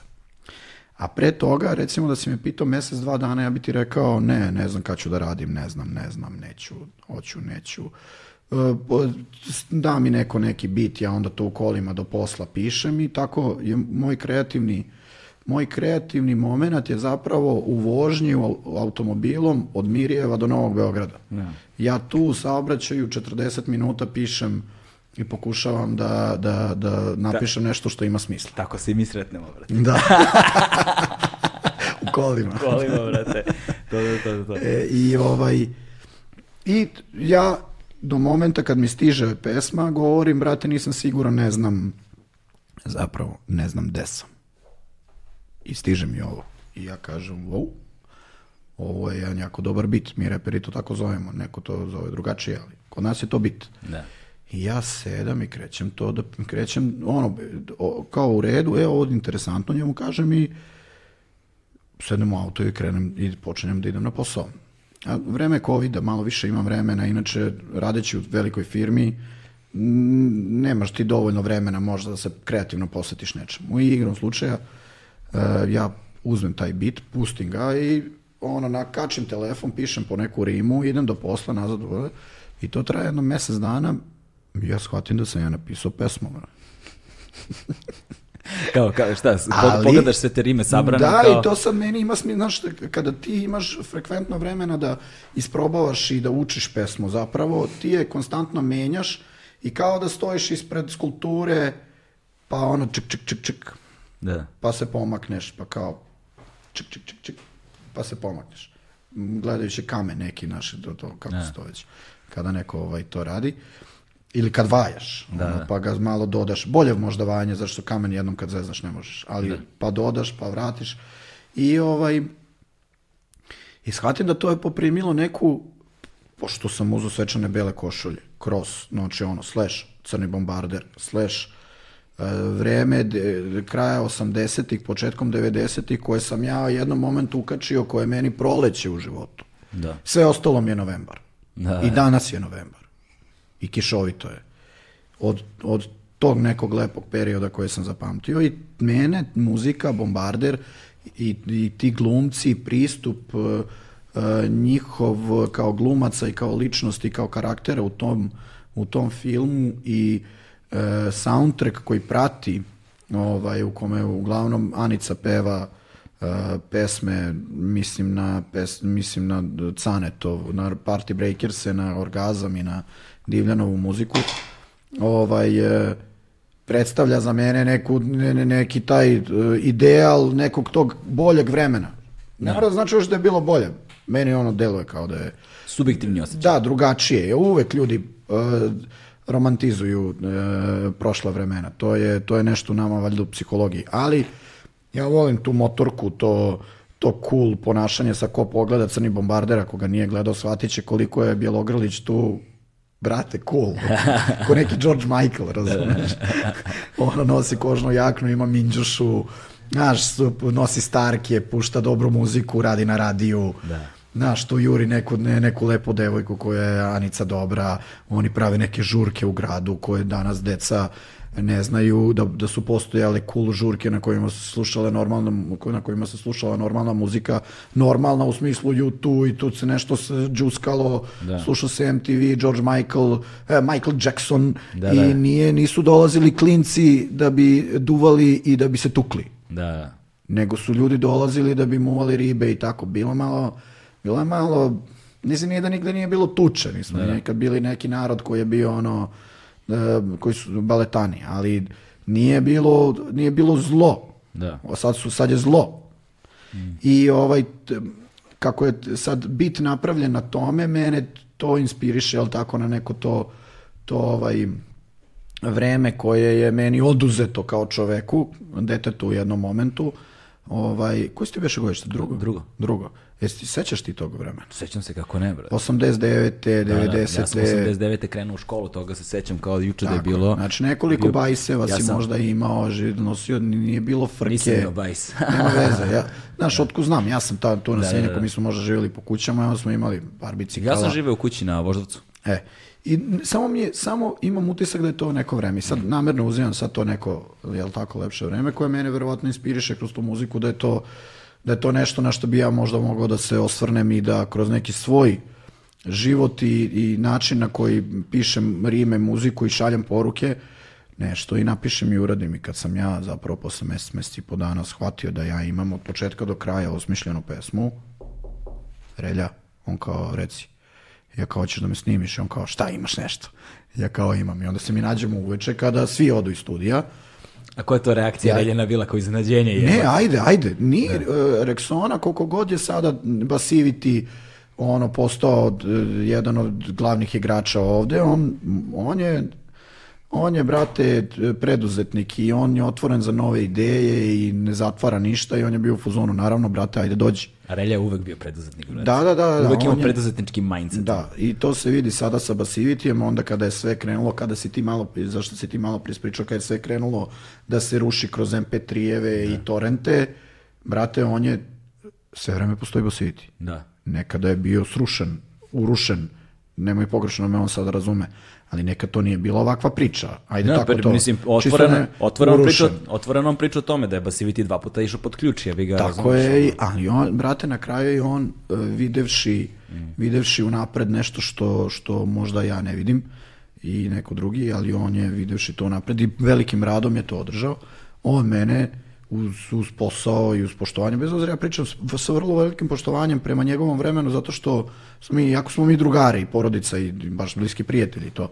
Brate, jebi ga, ja 10 godina ne radim, a javim se kao ajde da usnimim nešto. Da. Neko je izgradio taj studio, neko je kupio opremu, neko je sve to iznajmio, prostore, kupio i još kažeš ti ni od kuda, ajde da dođem ja da nešto, ja probam da snimim. Neko je održavao plamen da gori, je bi ga, bra. znaš. I on je rekao, možeš, usnimio i rekao, ovo nije tako loše, ali te, bra, ovo ti je 2003. Klasičan Relja, brate.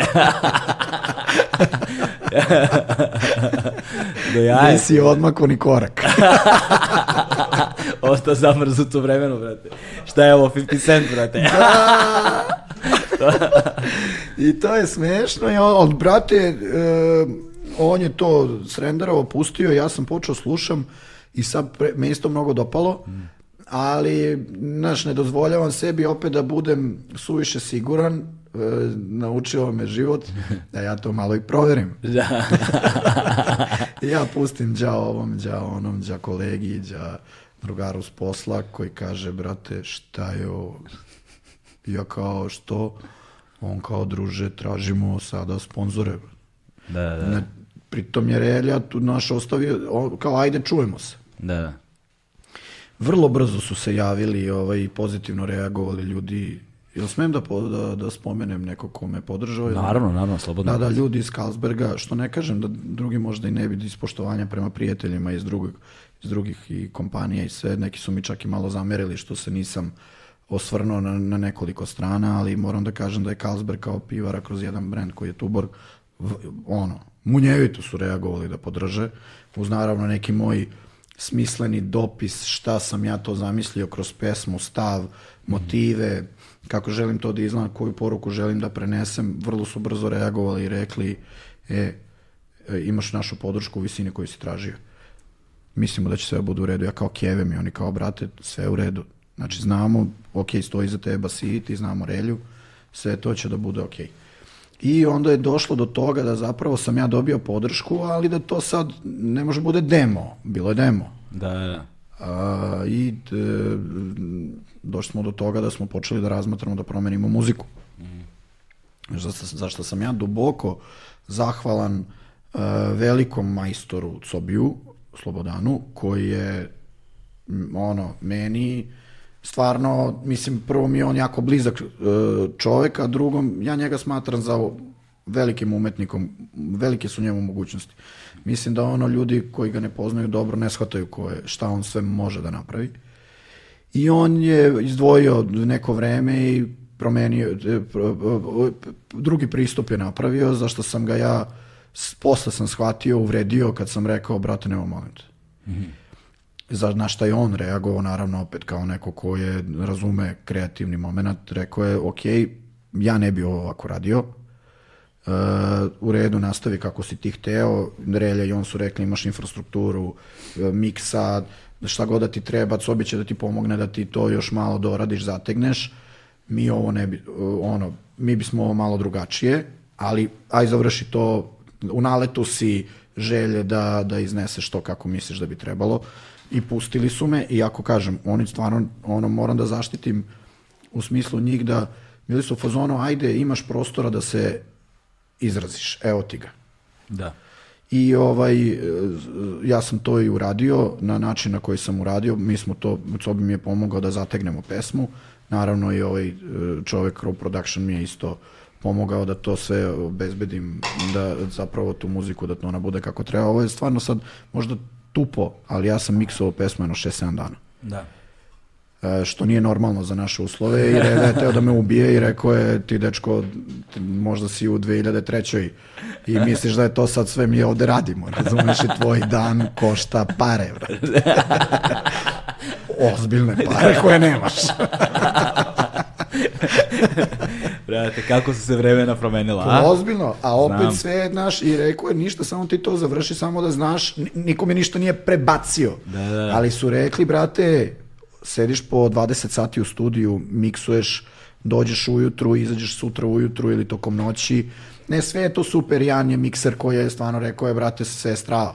Ali neke resurse sam tamo, prvo su mi bili stavljeni na raspolaganje, iskoristio i ovaj, to je sve nekako onda poprimilo tu jednu pesmu. Da. Ovaj, za koju mi je Cobi rekao poslednji put da ti je izašlo nešto ovako bez da ja kažem kako će da zvuči.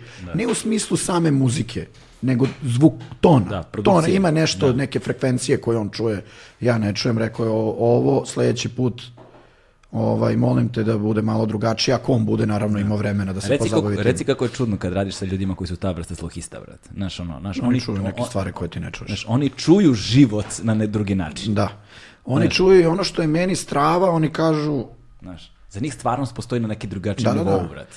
Ali valjda i to, znaš šta, mi sva, svako iz svog posla ovaj, e, počneš da gledaš, mislim, posao ti uslovi, pogled na svet na neki način, zapravo ti otvori jednu drugu perspektivu i taj posao verovatno ne bi mogao da radiš da nemaš tu drugu perspektivu.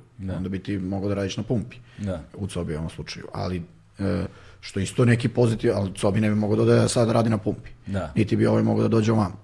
Znači, otvoriti neku drugu perspektivu i oni čuju, recimo, kada, kada su producenti u pitanju, sigurno nešto na sasvim drugi način i čuju i život, što ti kažeš, na drugi način. Ovaj, I onda je ta pesma nekako dobila tu formu i rekli smo sad je to dobro i ovaj, e, usput smo naravno i razgovarali o, o temi koja se zove Spot, koja je bila, znači kad radiš svečane bele košulje, mogla je da izađe pesma bez spota, to nema smisla, bez pravog spota još više nema smisla, a onda na kraju krajeva, iako ti se ne pojavi Anica Dobra, Realno. ti si dečko indijanac.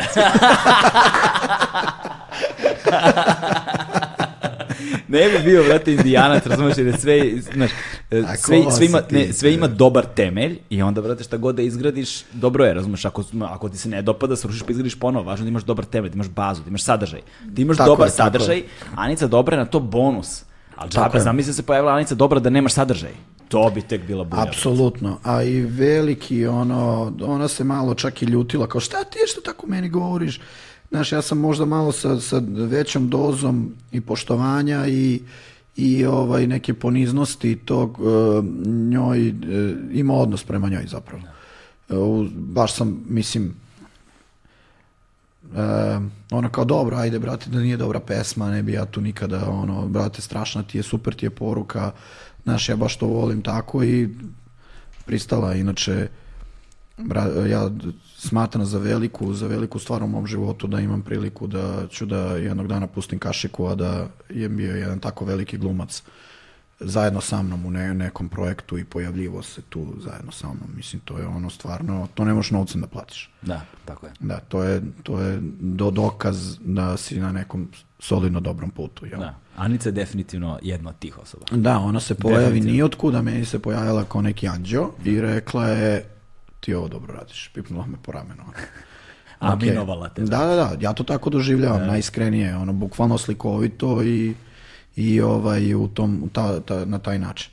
E, počeli smo da razvijamo taj spot, je li sada je to i ideja je bila da se nešto, prvo da em, ima boje filma, boje filma su mrak, e, poneko crveno, zeleno svetlo, e, studio, d- mračan je film, mračna mu je estetika, boja i to. Ja sam čak uzeo da pregledam ceo film i da sve scene print screenujem i napravim kako on izgleda, ono storyboard na neki moj način, ovaj, e, estetike filma da bi ljudima iz NN produkcije ili Relji, rekao, prvo sam Relji, do Relja jako teško dođeš ovih dana, ge- generalno, ono, zbog intenziteta njegovog posla.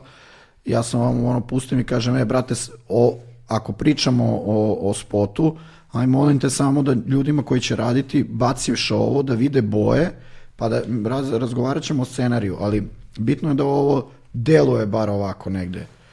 I onda sam i, i to napravio i E, Relja je okupio tu ekipu iz NN produkcije sa kojom smo porazgovarali o, o, o scenariju i ovaj scenariju je, bio je motor, bilo je sve, bila je neka žena koja vozi motor, žena koja vozi motor, ne ja, što je bio, mislim, ja sam želeo da vozim motor od početka, no sam ćutao i Pričat ćemo i o tvojoj ljubavi prema motorima. da, da. I ovaj i onda je ovaj e, e, onda je e, se desilo da e, smo mi pokušavali da dođemo do Ančike nekako sramežljivo. I okolo smo dolazili, pokušavali, znaš, nešto, niko da je okrene direktno. A mene blam da je okrenem direktno, baš me blam. Ovaj. Sve Nek- razumem. Da, da, neko je, neko je možda malo usrdljiviji za to, ali ja nekako imam taj, ovaj, Ma jebote, taj film te formirao, razumeš? Da. Znaš, to su ti likovi, obraćaš se... i on, koliko god je običan, i verovatno je običan, ja sam znao da je, vero, mislim, običan, Da, dostupan, da. ukoliko zavrediš pažnju takvog čovjeka, on je dostupan tebi, kao što se ispostavilo da je, da je tačno. Brate, ipak je ona... Nedodirljiva. e, Pa da, ona je nedodirljiva, brate. A, I d- d- na kraju smo nekako uspeli da se ona zapravo, je po- prvo, uspeli smo da dođemo, zva, pozvali su je produkcije direktno. I ona je rekla, dobro, daj to, nisam to ja lepo čula. Opa, ovo nije loše, znači sad skraćujem, opa, ovo nije loše, ko je izvođač, šta je izvođač, nije loše, daj mi telefon. Ta ona zove mene i kaže, je, tu spot, ja kao, hvala ti, ona kao, ma pusti bre, hvala bre. Pusti to, nema, otprilike nema me daviš, nego daj bre, ne, ne mogu ja da vozim, ne vozi neka riba motore, onda ja na kraju skinem kacigu kao pojavim se. Da, da, da. I ja rekao, pa dobro, šta hoćeš? Ona kao, pa malo više. Negdje sam već pričao, izvinjavam se ako neko gleda dva put priču, ovaj, ako si ti možda dva put negde video. Nisam, nisam, nisam. Ona je rekla... Ja sve, ja sve ovo čujem prvi rekla, put da, i tretiram kao da je prvi put. da. Ona je rekla, brate moj, ovaj, e, ne mogu ja da se pojavim u ovakvoj pesmi samo da skinem kacigu. Ja kao, ali mi smo samo teli da ti iskoristimo što manje vremena, da ti uzem. Ona kao, brate, nisam pričala ovo što vremenu. Neću ovo da radim na ovaj način. Da. Hoćete vi to malo da proširite, ako ja dam neki komentar i to, ili kacigu on skinuti neću. A mi polazimo iz perspektive da je naduzimamo vreme, da ispoštujemo, znaš, lepo je da imamo bar na sekund, da napravimo kao da ce, sve vreme vozi ženski, ženski vozač sa crnom kacigom i da je obučeno crno da nešto raznosi po, po gradu i na kraju da ona skine kao da je to Ančika, razumeš? I ona kao, ne, brate, u ovakvoj pesmi ja hoću da izdvojim vreme, da se pojavim malo više i da budem u toku refrena, i da ovaj, se prvo ja sa vama vidim generalno, da vidim jeste vi u Vinkli. Jel tako rekla? Pa nije to se.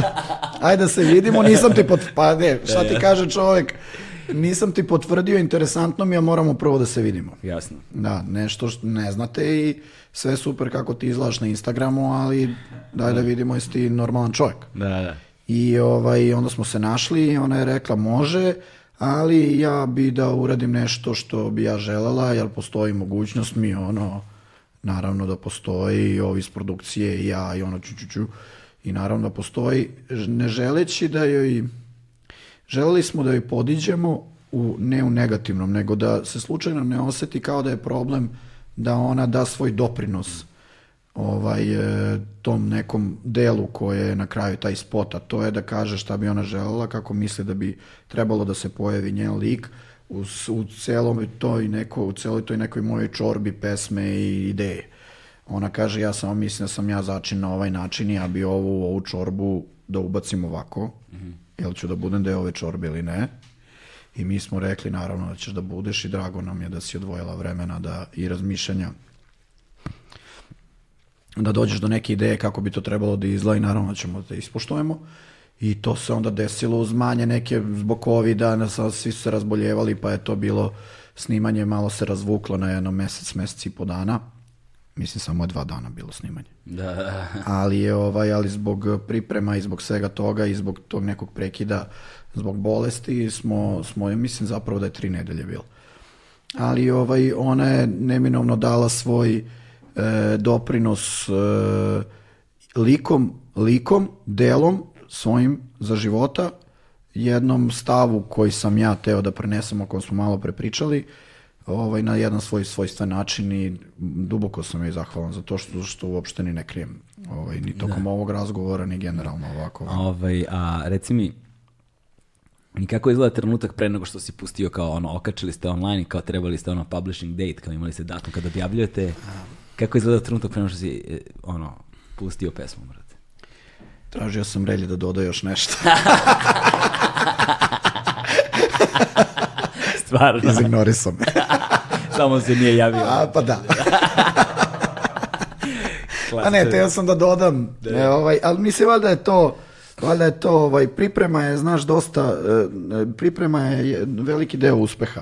Ili e, bilo, bilo ko grada.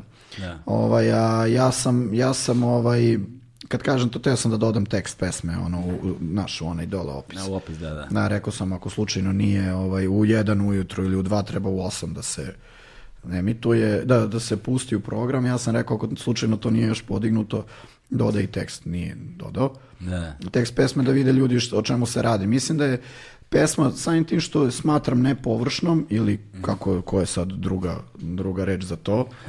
Ovaj, ti si čovjek iz književnosti. šta- Duboka. Duboka, ajde, bilo mi je suviše jednostavno. Znam, sluš, zvuči grozno, da. Da, ovaj, kompleksnije. Ja volim da kažem kompleksnije.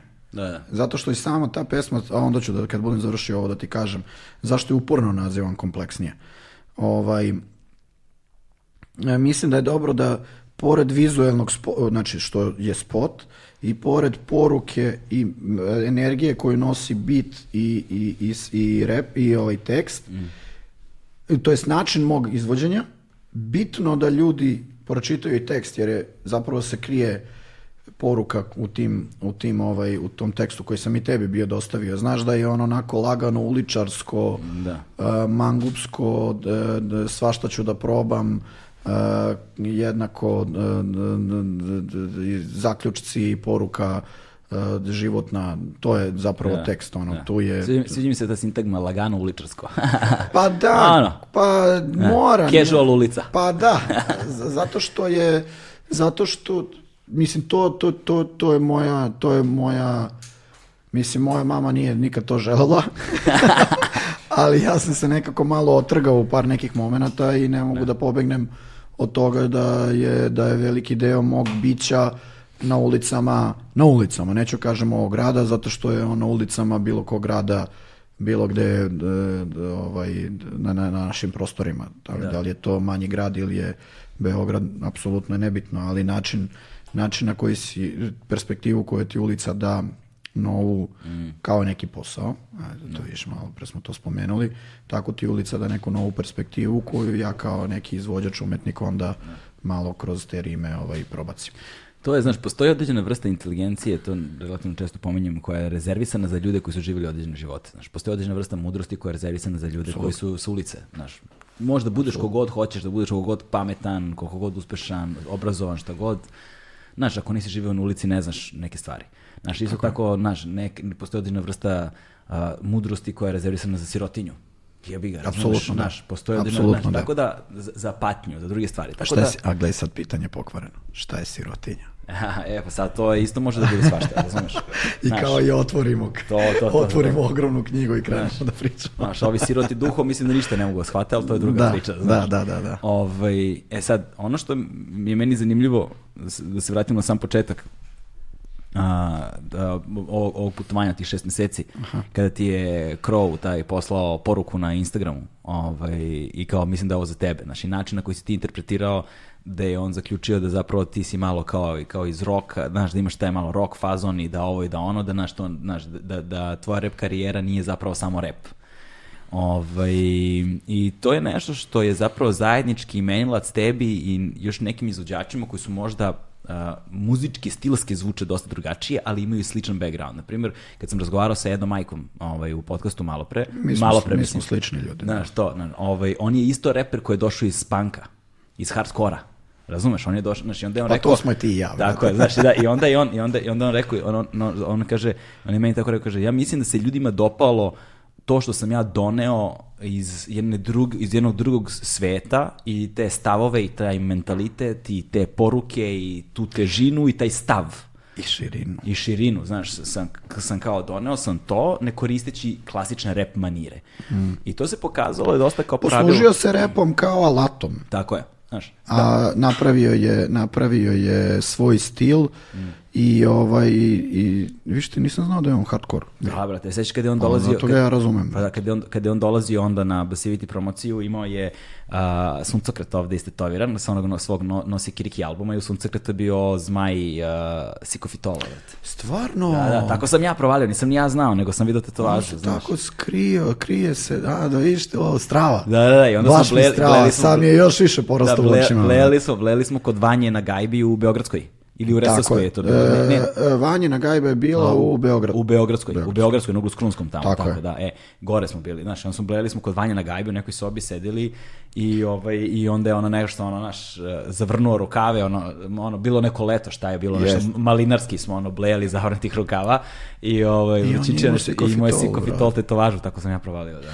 E, ali vidiš, e, za trenutak sam pomislio kad se spomenuo njega, on, je im, on ima jednostavnost i sirovost poruka, koje s druge strane, sad kada, sad, sad zaključujem odakle mu to, a, dugo sam se pitao, divio sam mu se i zavidio sam mu. Da. Dugo godina, pogotovo kad je imao jedan period u kome je razvaljivao, ono, negde pred 2010. tako nešto okolo, bio je stvarno je čupao po, po ono, on je bio, on je bio rep. Da, da, da, da, da, on je bio ono ovo pločenje rep ikone, znaš, niko, nikomu nije bio ni blizu. Da, da, da. da. U Ovaj, to vreme su počeli se pojavljati dečaci otprilike, ja mislim, tako nešto. Jeste, jeste. to Kod nas je sindikat e, d- d- d- d- harao, Da. Ove, bili su političke poruke i to, a, a, a Edo je harao na ovom širem nekom planu, Mhm. ovaj, uz širen kažem XU plan, zato da, što da, da. on je mogao da, da ode ovaj, šire i sad, sad, sad baš mi je drago da sam shvatio na neki način š- zašto je on bio specifičan i ovaj, Znaš, i sad i postoji, znaš, i ima dosta muzičara, ovaj, šta god ljudi mislili o njima, koji imaju tu vrstu istorije, znaš, i Vikler ima tu vrstu istorije, i, znaš, i ispostavlja se nekako da brojni uh, uh, izvođači koji uh, su uspešni u nekoj oblasti, kada im pogledaš biografiju, imaju širinu jednu ono, Raznovrsnost. raznovrsnost, nisu se, nisu, nisu se usko držali ono stila i žanra u kojem stvaraju. znaš. Mislim da ti to, da ti, da ti ta raznovrsnost onda obezbedi da iz više uglova možeš da sagledavaš stvari, a samim tim ti i pravi jedan od, jednu određenu formu koja je, malo pre smo rekli, reč subtilnija, ja mnogo volim tu, tu, tu ovaj, t- t- to što ta reč znači, znaš, i onda napraviti nekako pitkiju tvoju e, prihvatljiviju formu, šta god radio i tvoj pristup je drugačiji za- zato što, si, zato što imaš tu neku širinu, zapravo raznovrsnost i to, taj proizvod je, Da. je ovaj, e, nekako prihvatljiviji za, za, za, za, Da. Ja stalno, ja stalno volim da ističem kad god pričam o tebi, ovaj, da si ti zapravo došao iz hardkora, da si imao... i Da, si, pa ja sam, ja sam Edo Majkina priča, Da, mislim da, ti to. dobro znaš i ovaj... da si imao, imao si band koji se zvao Voice of Minority. Da, pokušavao sam da... A nemam glas za to, je, znaš. da, Pokušavao sam godinama posle, nije to bilo uspelo zato što mi je glas izla, tražili su mi na kraju Rajko, Rajko, stari hardcore ortak iz... Hitman, brate, Da, Rajko, da. Rajko, Rajko, Rajko. Ovaj mi je rekao, brate, bre, nemoj više da pevaš, bre, da pokušavaš da pevaš nešto grubo, bre, pevaj svoje. Nisam uspeo to da mu uradim i ne, ne, nije to generalno band, mislim da je njihov, da li je otišao u nekom drugom pravcu, ali ovaj, mislim da je moj vokal o, nažalost, na neki način, želeo sam da bu- imam i hardcore band, ali je reperski vokal koji nosi svoju težinu na našem jeziku ovde, ovaj, e, i, a hardcore, a hardcore, hardcore ću sada da iskoristim, to je muzika koja je generalno dosta, ona iz kraja s 80-ih, Da. početkom 80-ih, do negde kraja 90-ih nešto ovaj, radile, imaju bendovi koji, da, mislim, postoje bendovi koji danas rade, ali nije to onaj hardcore na koji sam ja, iz kog sam ja potekao. Hardcore je neka, da približim ljudima samo na sekund, jedna specifična muzika sa pozitivnom porukom koja na prvi pogled deluje užasno agresivno Da. a zapravo se sve vreme u njoj krije kriju pozitivne poruke drugarstva, e, odnosa između ljudi, tog nekog zajedništva i ostalo. Se slažeš sa mnom? Tako je, pa to, su- tati su masovno imali one tetovaže Friendship, Unity, Respect. to- da, da, da. to je- I to je bilo ekipa, ekipa da se čuva, da se čuva. Ali kako su se muzičke tendencije i elektronski pristup muzici ovaj kako se intenzivirao, tako se gitarska muzika, a hardcore je hardcore punk. Da.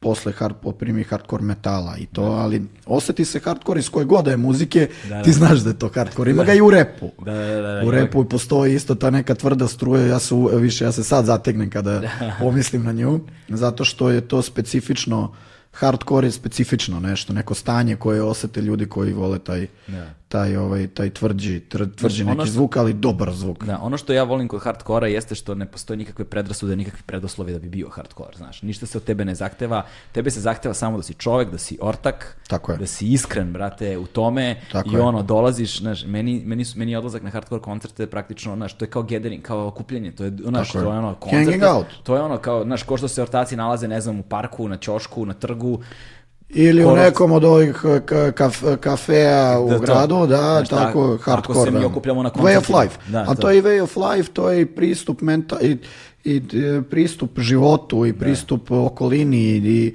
hardcore je baš onako širi neki širi neki kontekst, jel tako? I tačno prepoznaš ljude koji su se formirali u hardcore zajednicama. Tako je. Znaš, prepoznaš, prepoznaš ih po stavu, prepoznaš ih ono Tako, po, nekoj, po nekoj otvorenosti i ono što je zanimljivo... ti Ali i odsečnosti i nezgodnosti Da, i, i, i onako ume to da bude Da, i, i Tvrdi da, da, da, ortaci. tvrđi, tvrđi, tvrđi, ali e, mislim sad opet da li sam ja iz te neke zajednice zato što ja posebno razumem ja i dan danas na playlisti imam hardcore bendove šta, u imaš, kolima. šta imaš na listama? Pa meni je uvek Strife, no. A, Da, Strife. Strife, brate.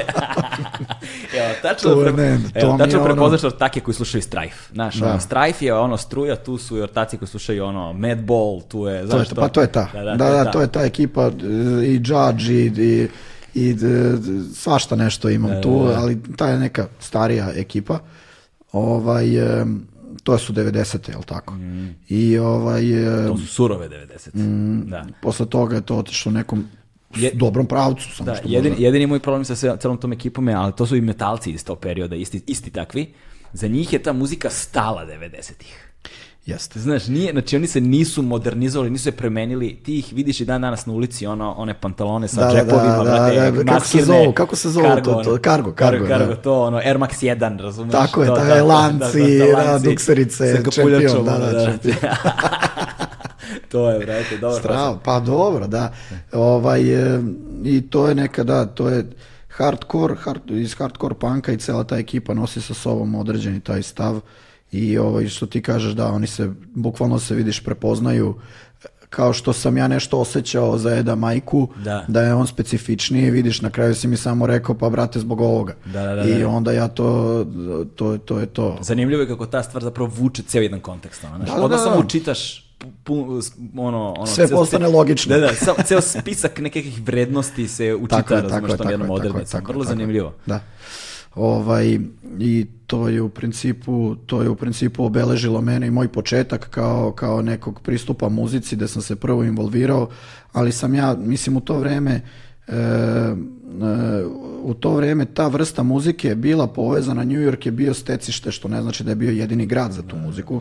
Mislim da i sam Strife nije iz, iz oni su kako, iz Kalifornije, da, jel? bi- bio, na Kalifornija je bila ono posebno stecište, New York je bio posebno stecište, Washington je bio, DC je bio, kako hoće, Boston je bio, i E, Tako dalje je, tako je, naravno, ali zašto sam uzeo New York? New York mi je specifičan zato što se u, to, u početkom 90-ih mešala ekipa uh, afroameričke e, te e, kulture e, hip-hopa, e, b- New York, rap, e, Da, da, da. struja, h- taj neki ono hip-hop malo u- uličarski od ovaj se brate usko mešao sa, sa hardcore ekipom koja je volela rap i na svoj način. Belci su, Be- Belci nikad nisu bili dobri osim Eminema u rapu. Da. I tako možda još nekih ljudi. Evropljane ne uzimam za, mislim, Nemci, ono, Da. Evropljane ne uzimam. Dobro mi to radimo, ali kad kažemo Amerika, nešto je mnogo e, p- u to pogotovo vreme je crna populacija radila tu vrstu muzike, ali su belci, pogotovo hardcore e, ekipa je ono brate slušala rap ono. Da. Oni nisu to pravili. Koketirali su sa tim crossover zvukom i ona slika meni istorijska da je zapravo Naz sa, nosi Biohazard majicu ono, na nekom od koncerata sa slomljenom rukom. Ja se nadam da je to prava slika. Da, da, da nije pošto- fotomontaža, Da nije da. fotomontaža, mada ono, svašta ljudi rade, ali bi volao da je to istinita fotografija gde se vidi da je on iz Queensa, Pa da. a ovi su, ne znam, hardcore ekipa Biohazarda su Brooklyn, iz Brooklyna su, ne znam, Najbolji, najbolji, najbolji primjer za to su mi, ja mislim, Madball. Znači, Da, da, da, oni znaš, su- Fre- Frankie beše pevač Madballa, ali tako? Frankie ili E, Freddy? Freddy, Freddy, Freddy, Freddy, znaš, oni, Freddy. oni imaju rap karijeru, jebi ga. Tako je, tako oni imaju, je. Oni imaju rap karijeru, oni imaju rap karijeru ovaj, i, i, i cel, ceo, taj, ceo taj manir ti njih kad vidiš i kako su obučeni, i stilovi, da. ti spotovi, tebi je jasno dakle oni dolaze. Da, da, da. I ta be, bela radnička klasa iz tih delova i ta getoizirana populacija, crna, crna populacija, ono, znaš, oni imaju jako puno zajedničkih elemenata u, u svom životnom stilu. Tako je. I oni su, i oni su zajedno i mislim, to je bilo na neki način sam ja to kao ajde umišljam osetio u jednom momentu kada nas je Relja odveo u Ameriku, kada smo ušli među crnu populaciju koja je prema nama bila kao znaš, nešto rasisti pričaju nešto rasizam. Ja sam se osetio, baš sam se sabrao u jednom momentu i rekao u čemu je fora, ovi ljudi pričaju s nama kao da je sve Da. i onda je sestra od jednog rekla, pa brate, nije to se oseti između nas, niste vi, vi ste, nekako smo se, Da. nekako je sve normalno ovde. Ima nije, grafit. nije sa svima, nije Da, sa i- svima to tako. Ono. Ima, ima, ima grafit ovaj, u francuskoj ulici tu koji stoji 20 godina već stoji, kaže, kaže svi su mi beli, ali nam je život u, u suštini suštini, crn. to je sa nas mog prvog albuma. Pokojni Đorđević je to napisao. Da, da. Ovaj rekao, prosto. Da, da.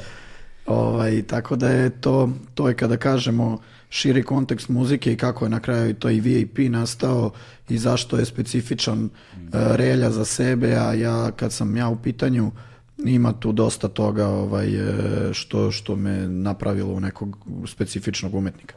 I sad ću za sekund da iskoristim, sad, pošto smo pričali malo, sad smo pričali o ovom kontekstu hardkora i kako je zapravo te raznovrsnosti možda muzičkog nekog uh, ukusa, jel? Pošto i punk i dan danas slušam i rock odvaljujem.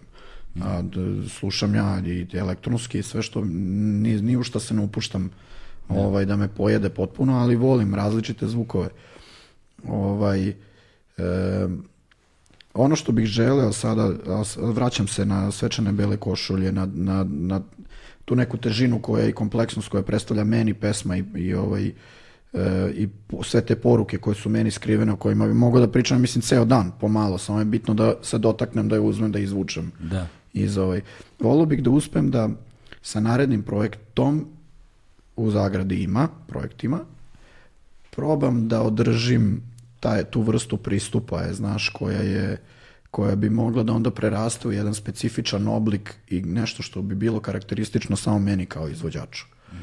E, Zato što postoji, vratio bih se, na, sad se prepomenjen je pristup proiz- pravljanju muzike, više sve vreme proizvodnji, Da, više sve da. prolje- proizvod. Ovaj, ali e, pra- e, stvaranju, aj tako, e, mislim da nije uobičajeno ono što bih, što bih probao da uradim, kako, to je dokaz i ova pesma koja je potpuno neobičajena i sama za sebe može da stoji, ali kada bih napravio nekoliko ovaj, e, priča koje bi onda nadam se uspele da naprave jedan, jedan ceo kontekst koji bi ovaj, ja bio e, kao izvođač, koji bi opisala mene kao izvođač. i- Kao neki mozaik. kao neki mozaik na kraju bi to bio sad možda umišljam, ali volio bih da to ispadne na kraju kao brate, ovo je poseban fazon. Znači ovo je nešto što ovaj ima, ima rep, ima ovo ono, imaš ovoga koji ima pristup svemu tome na ovaj način i nadam se da će to ako uspem i da bude i uspešno. Da. E sad, ovaj, jesi nastupao sa Voice of Minority? Ono? Jesam nešto... Ili ne- ima neki snimak? E, nisam siguran. Nisam siguran da... je- E, možda i ima nešto. Ali stvarno nisam siguran. Da. E, kako je izgledalo u to vreme? Mi, e, ka- mislim da si, ti dolazio na tragistu. Da, Sad da, ne mogu da, više da, da, da. se povežem ko je sve bio tamo. Razmišljam da mozak ume da, da oslika sam. Dolazio, da- ja sam na trg dolazio sa Shortijem. Ja sam sa Shortijem E, blejao tada. dobro, da, dobro. da. Znaš i sam da je tamo bilo što sharp skinsa, što e, metalaca, što skatera, što hardkora, što d- roll shoe. Mi smo bili kao Oni nek... su bili na platovu. Tako je. E, dobro, jeste, jeste. A povremeno su oni dolazili 100 metara do nas, ali tu su bili skateri, tako? Tako je, tako je, da. I ovaj... E, spet sad si me odvukao što sam to krenuo da ti... e, Pa nastupima Voice of Minority. Tako da. je, e, e, hvala ti. I to je sad bila jedna ono mešavina ljudi, znaš, mi smo bili tad, u to vrijeme su sada da ne davimo ovu decu, ali bilo je usko polarizovano ili si padavičar, to su metalci i tako neki kosijaneri, ili si dizelaš, što je bilo tada baš onako in i onda si e, e, bio dizelaš. A ponovo in, brate. Pa Ja ne znam šta misle ljudi da je tu strava. Ja sam u jednom momentu isto koketirao sa tim želeći da povežem da je, da je rep i to na neki način e, slično, ali u našem, u našem ruhu. Da. A onda sam se na neki način, i moram ti po- ipak pokajao, zato što sam shvatio u nekom momentu da je, da je, da je to što sam uradio dalo na neki način legitimitet nečemu što mislim da mi je, da je sastavni deo o, jedne situacije koja nam je svima upropastila realnost. Da. I ovaj, shvatio sam da to nije strava. Shvatio sam da se iza tog, ma nema veze, to su samo neke trenerke i neki, i neki splavovi, zapravo krije jedna ozbiljna, ozbiljna, negativna, loša e, priča koja je koja je bila sastavni deo nekog e, rušenja mojih, moje, moje, a ja kažem zemlje, znaš. Da, da. I ovaj, kad A i pita- mladosti na kraju krajeva, znaš. E, da, To, to zlatno doba je zlatno zato što na osnovu onoga što je došlo sledilo posle. Znaš, To je- ljudi, ljudi, ljudi koji su... to je cigla u glavu kad su teli da ti skinu patike. Da, da, da. da, To da, je, da. to, to nije 90. godina, idemo na žurke, nije to to. To je bukvalno, bukvalno ja sam Ljudi doživeo to, to. lju- ljudi, ljudi to ne znaju, ono, ja pamtim kao juče, nama su menjali a, vreme početka nastave, da kada nam se završi posle podnevna nastava, zimi ne bude mrak, A možda bežeš kući. da bi mogao da odeš kući. Pazi, Jer, brate, jer ako te uhvate u ulici. razumeš, znači da bi mogao Pitaju da te odeš si kući. kraja. A kad te pitaju iz kog si kraja, sigurno neće s tobom da piju kafu. znači, to je sigurno. Ili A kad ti kaže, pitaju te izvini, jer te ne znaju. Da, A ja- pošto te ne znaju, nisi iz njihovog kraja. Tako je, da. I onda je to onako dosta nešto svi kao pa nema veze da i monstruozno Mm. mi je da neko kaže da su 90. bile super. da. To je nešto što ću ja za života svima da govorim ono moraš da odeš da porazgovaraš s nekim. Šta je bilo super, brate? To što nismo imali para i to što, e, mislim imali para, to što se rušilo sve oko nas, što su, što je mafija bila na vlasti i što su ti skidale patike, koji deo je tu strava? Objasni mi, molim te, pošto mi je ovo danas, uz svo razumevanje Disneyland. Da, da, da. Ti ipak šetaš kada hoćeš ovim gradom, policija te ne bije, moraš baš nešto da se zeznaš da bi došli ovi ortaci i da bi bili u fazonu č, č, č, č, ajde ovaj da te... ne, mirno je. Mirno je uz može uvek da bude bolje naravno, ali to nisu 90 i neću dalje da se osvrćem na njih, ali mislim da nisu da nisu bile ovaj nimalo dobro. Prekinuo sam te možda znači. Ne, ne, ne, nisi, nisi, nisi. Nastavljamo sa, uh, sa, sa tom pričom ovaj, kako je bilo na trgu, kako su se delili na te kosijanere i E, da. i kao Je, da, dizelaše. razumeš. hvala ti. Ovaj, I onda je postao jedan tren na Banovom brdu, što je bila zapravo jedna, jedna kuća koja je bila bez zidova unutra, ovaj, u dvorištu koje je jedno sasvim regularno nekog dvorište i kuća prizemna sa nekoliko prostorija u kojoj su se održavali koncerti. Da, skvot, brate. Skvot. E, kada se išlo na koncerte, išlo se na hardcore punk, šta god je tu bilo, rap. I idu svi, brate. I idu i ovi sa velikim pantalonama što ponašaju crnu populaciju Amerike, idu i hardcore, idu i punkeri sa zavezanim cokulama i mi svi idemo ti, ti- ti- pored tog tramvaja uz ovaj tren je bio iznad iznad da se sad završava onaj vijadukt Ada, Ada e, znači most na Adi da, što- dolazi do Košutnjaka i desno ide ka, Požeška. Ka Požeškoj. Da. Gde se završava, 50 metara ispod je ta gajba. Mm. U jednoj ulici koja ide ovako, zavija dole ka, ka ovome, ka hipodromu i tu smo mi svi dolazili, meni su, sada su mi scene onako idilične u glavi da mi kao svi klinci idemo, to se tetura, gega, neko je sa nekom ribom i to, ali brate, kao u filmovima, znaš, idu na koncert, ono, klinci, brate, kao, tad, tad je bio jedan film, Kids se zvao. Kako ne, brate, Hori Harmony, ha, ko, Hori Harmony, ili tako? E, da, Hori Harmony, ali šta je Kids, fora, brate. da, šta je fora sa tim, on je, malo mi je negativniji film za moje pojmove, znaš. Kasper je ekipa, on se Tako tu, je, znaš, da. tu je bio ovi skater, kako se zvao, Harold, ne? Ne mogu da se setim glumaca, sećam se atmosfere i sećam se da je na kraju bilo, pazite šta radite, klinci. To je, mislim, prva uloga ro, ove Rosario Dawson, mislim da je tu njena prva uloga. Jel jebote. tako? Tako je, ona je tu jedna od onih Ona je devojčica. Da, da, da, da, da. Je- jeste, jeste. Ona je ta koja kao gubi nevinost ili šta je već beše bila priča. Ro- Rosario Ja, Dawson. Na brate. kraju, ono, Da, ono da, scena, da, da, da, da, da, sa Kasperom ovim. On se ubio na kraju, posle- mislim, ne, ne u filmu, nego u stvarnom životu. Zaista. Glavni glumac sam. Tako da ti kici su stvarno bili ti kici na tuščici, znaš, stvarno Da, su živjeli taj lifestyle. Ja imam utisak da je to bilo samo, aj deco, dođite do to što Da ste vas brate. to, tu stravu, da usnimimo, da prebacimo, da vide ljudi. Ko su kod nas preveli taj film Delikventi ili tako Ja nešto? mislim da da. tako nešto. Da, ali to je bio film generacije, to je bio film naše Da, generacije. to je bio film naše generacije. To je bio film. da. Taj i mržnja. E, ovaj, tako je, tako je. Gasovica. Mislim, baš moje i tvoje. Da. Mislim da ovaj, ova narodno, narodno oslobodilačka u smislu narodne muzike i to, Da. to možda nije bilo njihovo, ali mi smo živjeli, mislim da smo mi živjeli u paralelnom univerzumu, ti i ja i cela ta naša neka Mm. za to vreme alternativna ekipa koja je meni normalna ekipa, ali ajde, da. sad ne mogu, većina je bila drugačija. I to je sve nama tako izgledalo i mi smo ovaj, pratili te neke svetske trendove i živjeli u njima, a onda je posljedica naše, naše, su naše muzičke karijere zapravo. Da, to je, ovaj, znaš, to, e, sećam se, a, ta skaterska ekipa, ovaj, kada je dolazila, dolazila je bio ovaj Steve, e, da li Steve Williams ili kako se zvao, vozač, uh, skater je neki bio i do, bio je neka, bila je neka turneja, tada je Ribok ušao nešto, sećaš se te? Jeste, to je bilo i sa našim prvim albumom. Da, Tako je, tako je. Ribok je tada furao o, skaterski, ske, skaterski brand, nek, skatersku da, neku ono, I doveo kolekciju. nekoga, jel? I onda su sponzorisali gomilu skatera, među kojima je bio taj, da li Stevie Williams, ili kako se već beše zvao, crnac iz Njurka, koji je onda poveo celu svoju ekipu na tu evropsku turneju. I onda dolazile Bolument. A to je bilo vreme kad su dolazili oni Gumball, kad su bili Tony Hawk i svi živi. aha. Tih godina su tako počeli da dolaze u, Ali to je već 2000-te? da, posle 2000, posle Dobro, da, 2000. da. I ovaj i dolazili dolazio je bio je taj neki ono uh, bi- bio je bila bila je kao taj skate demo je neki bio da su oni dolazili vozili skate po ono stricu vozili po ulicama.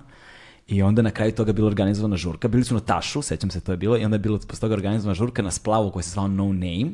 Ja, tako bio no da, name, brate, jeste, bio no ne. name. I? I mi bili na no name bila cela ova ekipa, ono, Mikac, Zerpo, Čkode, Toma Bajker, znaš, svi, A, vidiš ti, vidiš ti koji su sad, kad bi krenuli svakom po osob, sve, svako je nešto uradio. brate. Svako je nešto uradio, ne znam Da, što. da. I, ovaj, I svi smo bili tamo i Čkodi bi, brate, pozdrav za Čkodea, legenda, stoji Čkode, ceo dan stoji, ali ceo dan, bukvalno ceo dan i gleda jednog od klinaca koji je došao sa njima.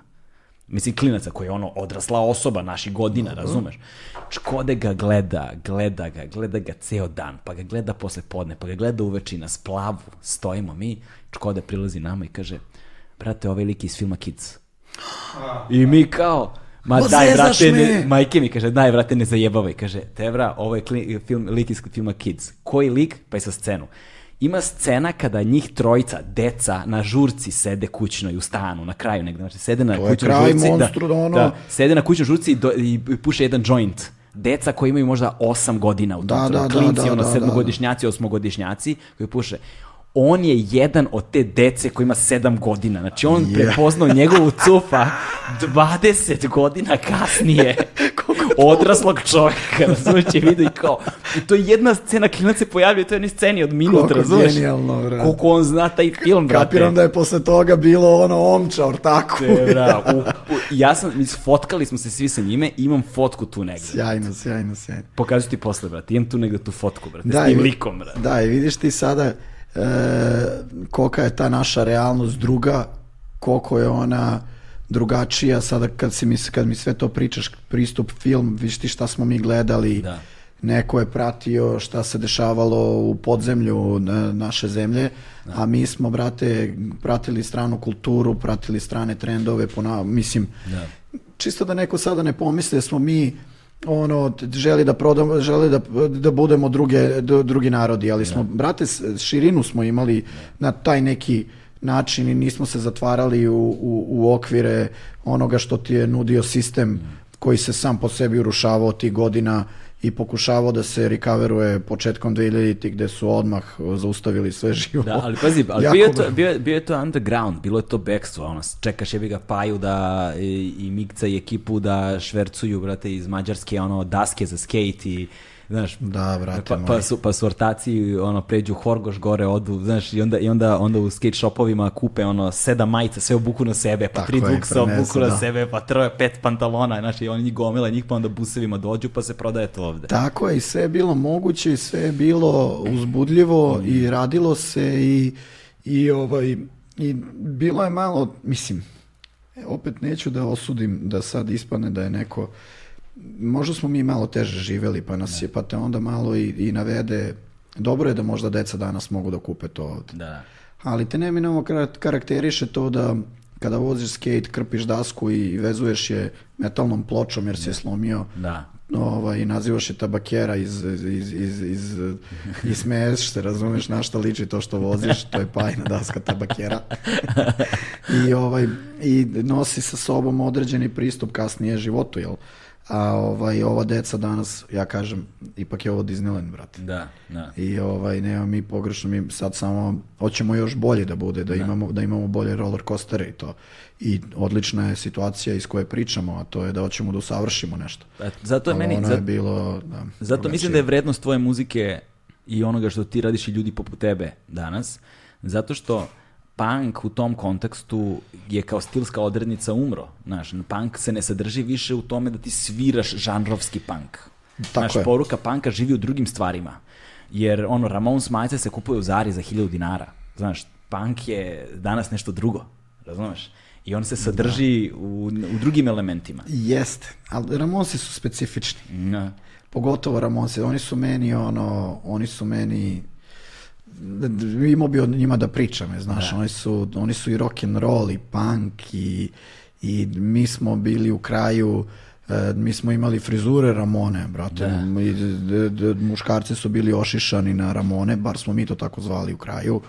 I ovaj, imali su i, i nosili su rokerke. Otuda namerno i rokerka u spotu svečane bele košulje. Iznervirao sam se, teo sam da, da dobro, sad je to i malo i povezano i sa mojim, mojom ljubavlju prema motorima koja je sa godinama sve više se intenzivirala i to i poprimila neki onako uh, veći, uh, kompleksniji oblik.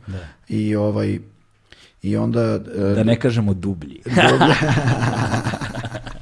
I ovaj, a Ramonsi su starke, farmerke, Mm. ovaj, motorke, kosijaneri i ovaj, taj neki rock and roll punk koji Kad je bio sjajan. ali kad si već pomenuo motore, brate, ja se sećam kad je to počelo da se dešava kod tebe. Ima malo više od 10 godina tome. Ali tako nešto, tako nešto. Pa ja sam vozio pre toga skutere, a sad, sad kad kažemo motor, mislim za nekog, za običnu populaciju je sve to motor. Međutim, za ljude koji voze motore, jedno je ovaj, skuter, a drugo je, Ali ja se tačno, drugo je motor. ali tačno se sećam trenutka kada je kod tebe počelo to da se transformiše. E, da, zato što to je doživljaje, znaš, to je vetar, to je, to je motor, to je e, neko to neko to kretanje ulicama, neki moment da možda razmišljaš. S druge strane, uzbuđenje, opasnost. Kako se, ajde, ajde mi ispričaj priču, molim te, pošto me zanima, jer ti si posle posle i član. Ja sam uvek mrzao da vozim bicikl. uvek sam mrzao da okrećem pedale. Ja kad sam bio klinac, ja sam, ja sam želeo da imam motorić ispod Aha. i zamišljao sam da dam gas. Mhm. I zato što nisam teo da okrećem pedale, teo sam da me gura neki motorić. Da. I ovaj, on zapravo na kraju krajeva ti bilo kog motoristu da pitaš, mi svi volimo da vozimo dobre motore, velike motore, ovakve, onakve motore, ali na kraju krajeva daj mi bilo šta. Da, da. I ja ću da opet sednem na to i da se smijem. Da li ima neki bajker koji voli da vozi bicikl? Ne, ne znam takvog. Bar sad kada sam pomislio, izvini, gledam da bi pustio ovaj... Pusti poruku, brate. Da, da, da. Ovaj, samo da vidim dok to traje. Sve okej. Ovaj, hvala ti puno, izvinjavam se na ovo. Kad kažemo motor, kažemo sve ono što sam ti opisao i ne verujem da neko voli da vozi. Mis- Mislim, aj pričam stvarno iz svoje perspektive. Da, da, da. Mislim da svaki bajker će mnogo pre da sedne na motor i ne može nikada ti objasni zašto neće zdravije da se i kao slično i voziš bajs i zdravije ti je. Ma druže bre, ja volim da, duk, duk, duk, duk, da to radi, razumiješ, i da i volim, to je opet Da ima četiri cilindra. pa to je lifestyle ceo, doživljaj, kažem ti, e, i kad pada kiša i kad je hladno, drugačije ti je hladno, nije ti toliko hladno kao, kao kada si bez motora, imaš opravdanje da, da budeš to nešto što i da ti imaš opravdanje i da pokisneš i da budeš prljav i da, i da budeš sebi strava i da se osjećaš moćno i da voliš tu mašinu i da je čistiš, pereš, da paziš ne pričamo o motoristima koji ne razmišljaju o, o, o, o, brzini i o svojoj budućnosti. Ovom prilikom bi volao da apelujem na svakoga da pazi u saobraćaju. Znači čisto da ne, ne podržavam motore u, u ne, nesavesnom korišćenju tih mašina. Ovaj, a, e, svaki motorista obožava svoj motor i, i trudi se da, da bude što savršeniji i uživa u tom motoru i ne mogu ja drugačije da ti objasnim kad kažemo zašto motor motor zato što sam uvijek želeo da ga imam, a bio sam dovoljno lud da na bicikli koju sam manje voleo slomim sve svoje kosti Da. i na skejtu izlomim isto i noge i zube i ruke i sve i onda sam imao oca koji je rekao ti si ti jednostavno ne možeš. Ja kao, da li bi mi nekad kupio Tori? Tori je bio Tomosov motorić koji je imao cross verziju koja je bila, brate, za nas decu, znaš šta, brate? To da imaš. Imala su dva i moj komarac, imao je sveta iz kraja. To je nešto, brate, za malu decu od 7-8 godina. Znaš ono, gledaš možda negde na Instagramu ti zapadne pa neko dete vozi mali motorić. Tori je bio jedan... Znam šta je Tori, Tori je bio E, legendarni motor, ono... Znači, imalo je motor- nešto ružno i imalo je cross verzija. Da, mota, matorci su vozili Tomosa, Da, klinci su autom. vozili Torije, Da, brate. da, da, da, da. Ali bio onaj Tori, onaj baš mali, minijaturni, onaj, Krosić što, što, mali, što ti bre. i ja sad ne bismo mogli da sednemo na njega. Tako, je, da. E, to je bilo u kraju, ja sam to viđao, ja sam to želeo da vozim. Naravno, ovaj moj otac je bio, pošto je ono strašne scene sa mnom proživljavao, donošenja zube ustima, ono, u rukama, sl- glave, ono, kao da sam čovjek slon i ostalo, izlomljen, polomljen, bez svesti pola dana kod, kod Maksija na Senjaku i to.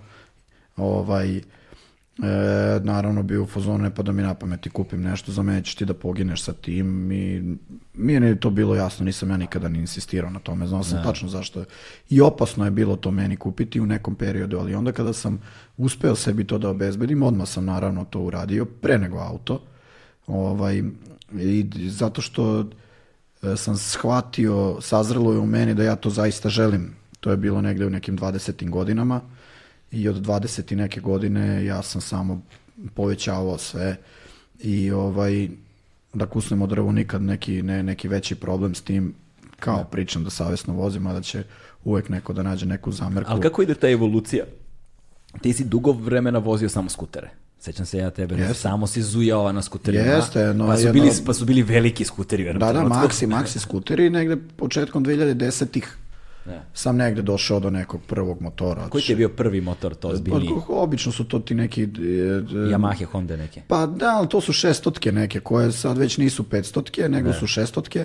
I to je već, sad to se već smatra. Petstotka je onako. Kada, kada za ljude koji, slu, koji ne znaju čemu pričamo, govorimo o kubicima. A, to da, 500-600 kubika. 600 kubika su već neki, to bar u mom svetu se smatra za motor. Ovo sve ostalo je okej, ali je, nije jednostavno u toj kategoriji. 600 pa nadalje su motori. Ovaj, e, mislim, tehnički je i ovo pre, da, 125, ali ovde ovo su veći motori. Da.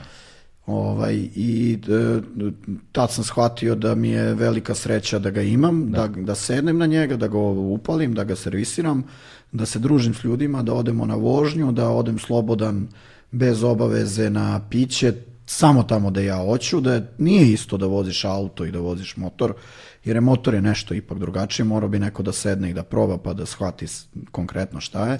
I shvatio, shvatio sam da je to sastavni deo bukvalno mog, mog, moje ličnosti, kao što ću uvek biti pomalo reper ili u većoj manjoj meri, ovaj, tako ću uvek biti neko ko će voziti motorem, umreću sa tim i to je ovaj, to je ovaj, Ta, ta, ta, znaš, ono, volio bih da pričamo malo više o tome, zato što ta vrsta pasije, ta vrsta ljubavi, ljubavi, ono, ta vrsta strasti koja postoji u vezi sa tim, sa ljudima koji su zaljubljenici u nešto. Znači, meni je uvek bilo... ja ne moram da te ispravim. Ne mogu ja da pobegnem od toga. Aha, Nisam ja zaljubljen. Ja ne mogu da pobegnem od toga. aha, to je, I to je tvoja nužnost. To je, ja sam samo rekao tome ništa, ajde, dođi ovamo sa mnom u život. Uz svu opasnost, ponovit ću ti, ja sam neko ko je slomio sve na svom telu. Da. Nemam kopaja, što smo ga malo prespomenuli, ove metalne, da, ovaj, Šrafove u laktovima i tabakere ostale, po, po, po sebi, ali brate, vrlo nezgodno dete sam bio. Da. I e, bojim se ja za sebe, znaš, i bojao sam se i kada sam se odlučio da kum moj Neša me motivisao bio u fazonu, kupio sam skuter, evo ti skuter. Evo ti vozi sad ovaj skuter i sad je to i tvoje, znaš, i onda smo mi delili, on me malo, malo me osvestio, sad sam se setio da je zapravo motor nešto što ja zaista želim. I onda sam ga, do, i onda sam ga, sam rekao, uz sav strah koji imam i dan danas, sam rekao, ajde dođe da probamo, da vidimo Da. kako će to da izgleda i čisto da nekome ne zazvuči kao da je motor on je, viš, sve smo rekli lepo, da je sam ja ono ovak, to je jedna za mnogo opasna stvar, može se pogine. Da.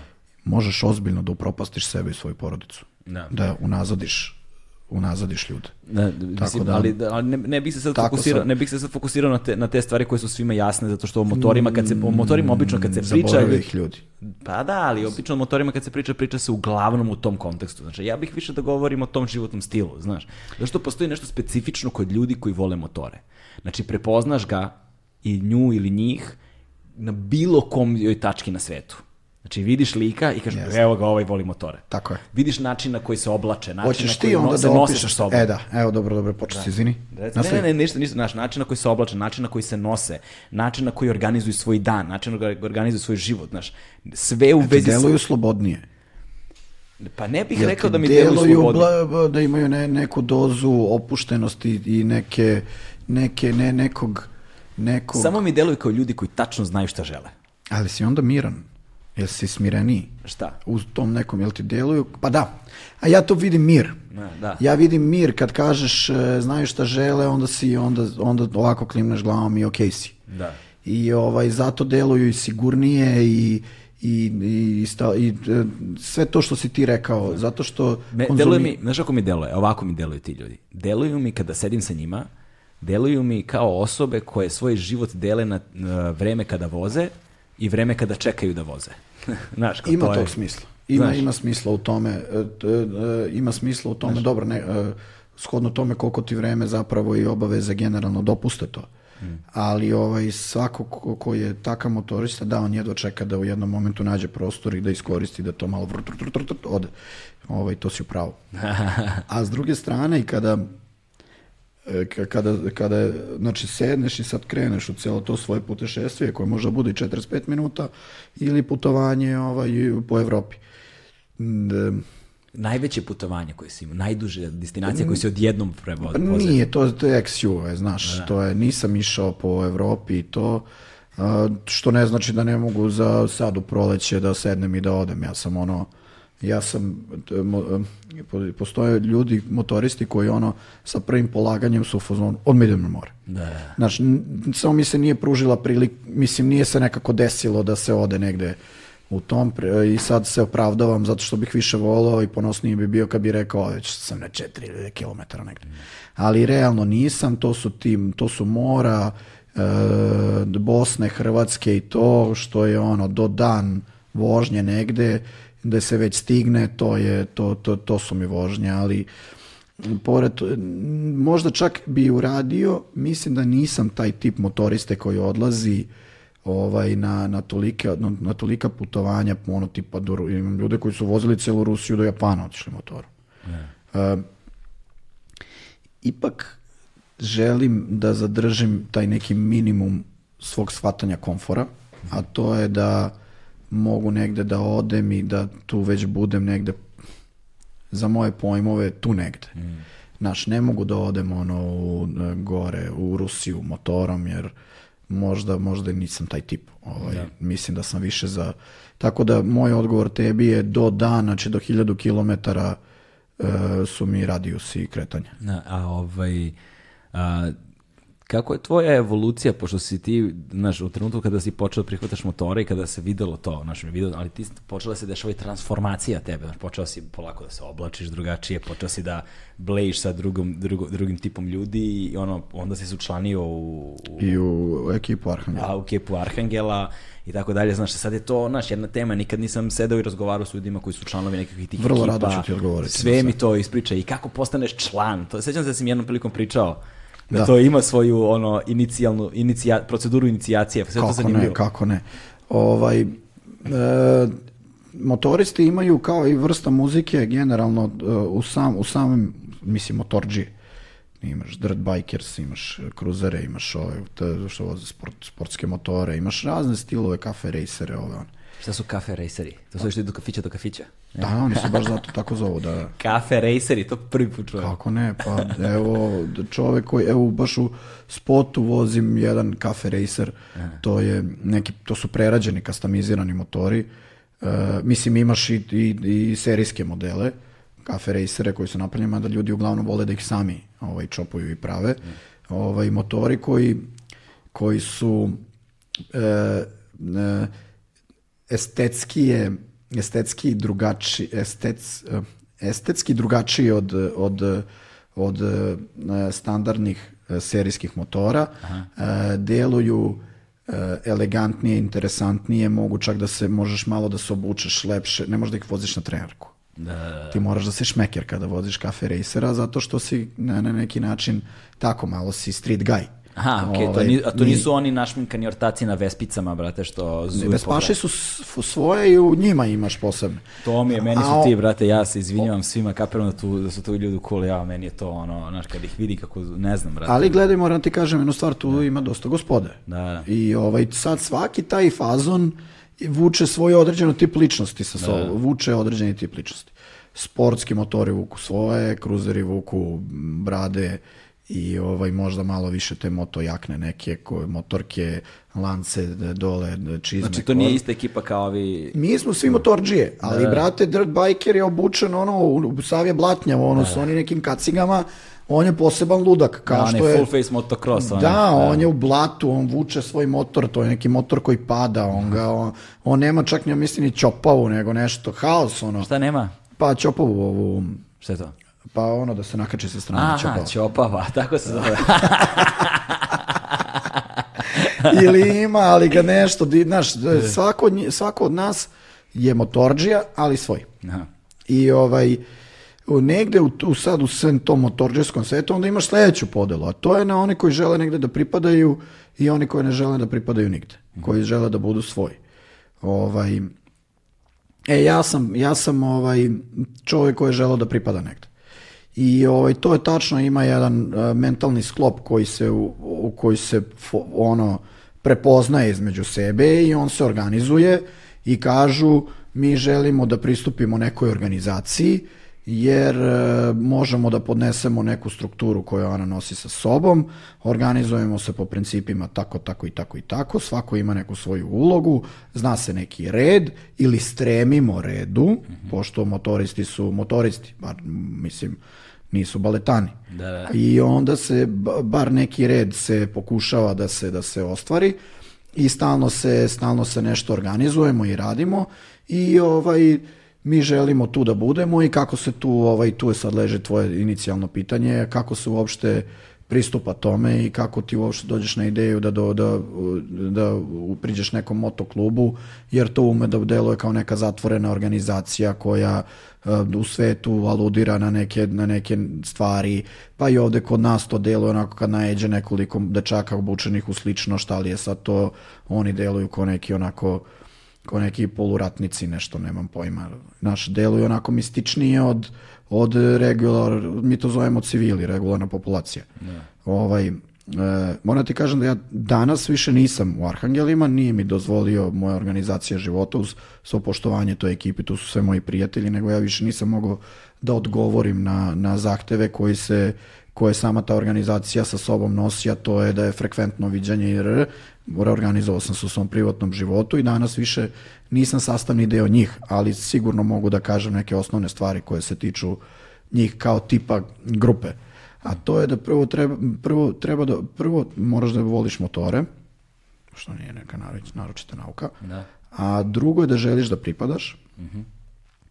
I treće je da, da imaš jedan da nemaš problem da, da, da ćeš da uđeš kao neku polu vojsku, da ćeš proći jedan inicijalni deo uh, zahtevanja od tebe koji ti nekad neće odgovarati, ali ćeš uh, tokom tog nekog inicijalnog procesa s, uh, dokazati da li želiš da priđeš nekoj organizaciji, postaneš član ili ne, raditi ono što ti oni kažu, kao neka vojska, kao kada si u, Da. kao kada si u nekoj, kao kada si, kako se to zove, gušter, jel? Da, da, da. u vojsci, tako ima, postoji jedan jedan period, em, to se zove prospekt ili ima neka naša reč koja, koja opisuje, ali svetski, svetski naziv za, za čoveka koji pristupa klubu je prospekt.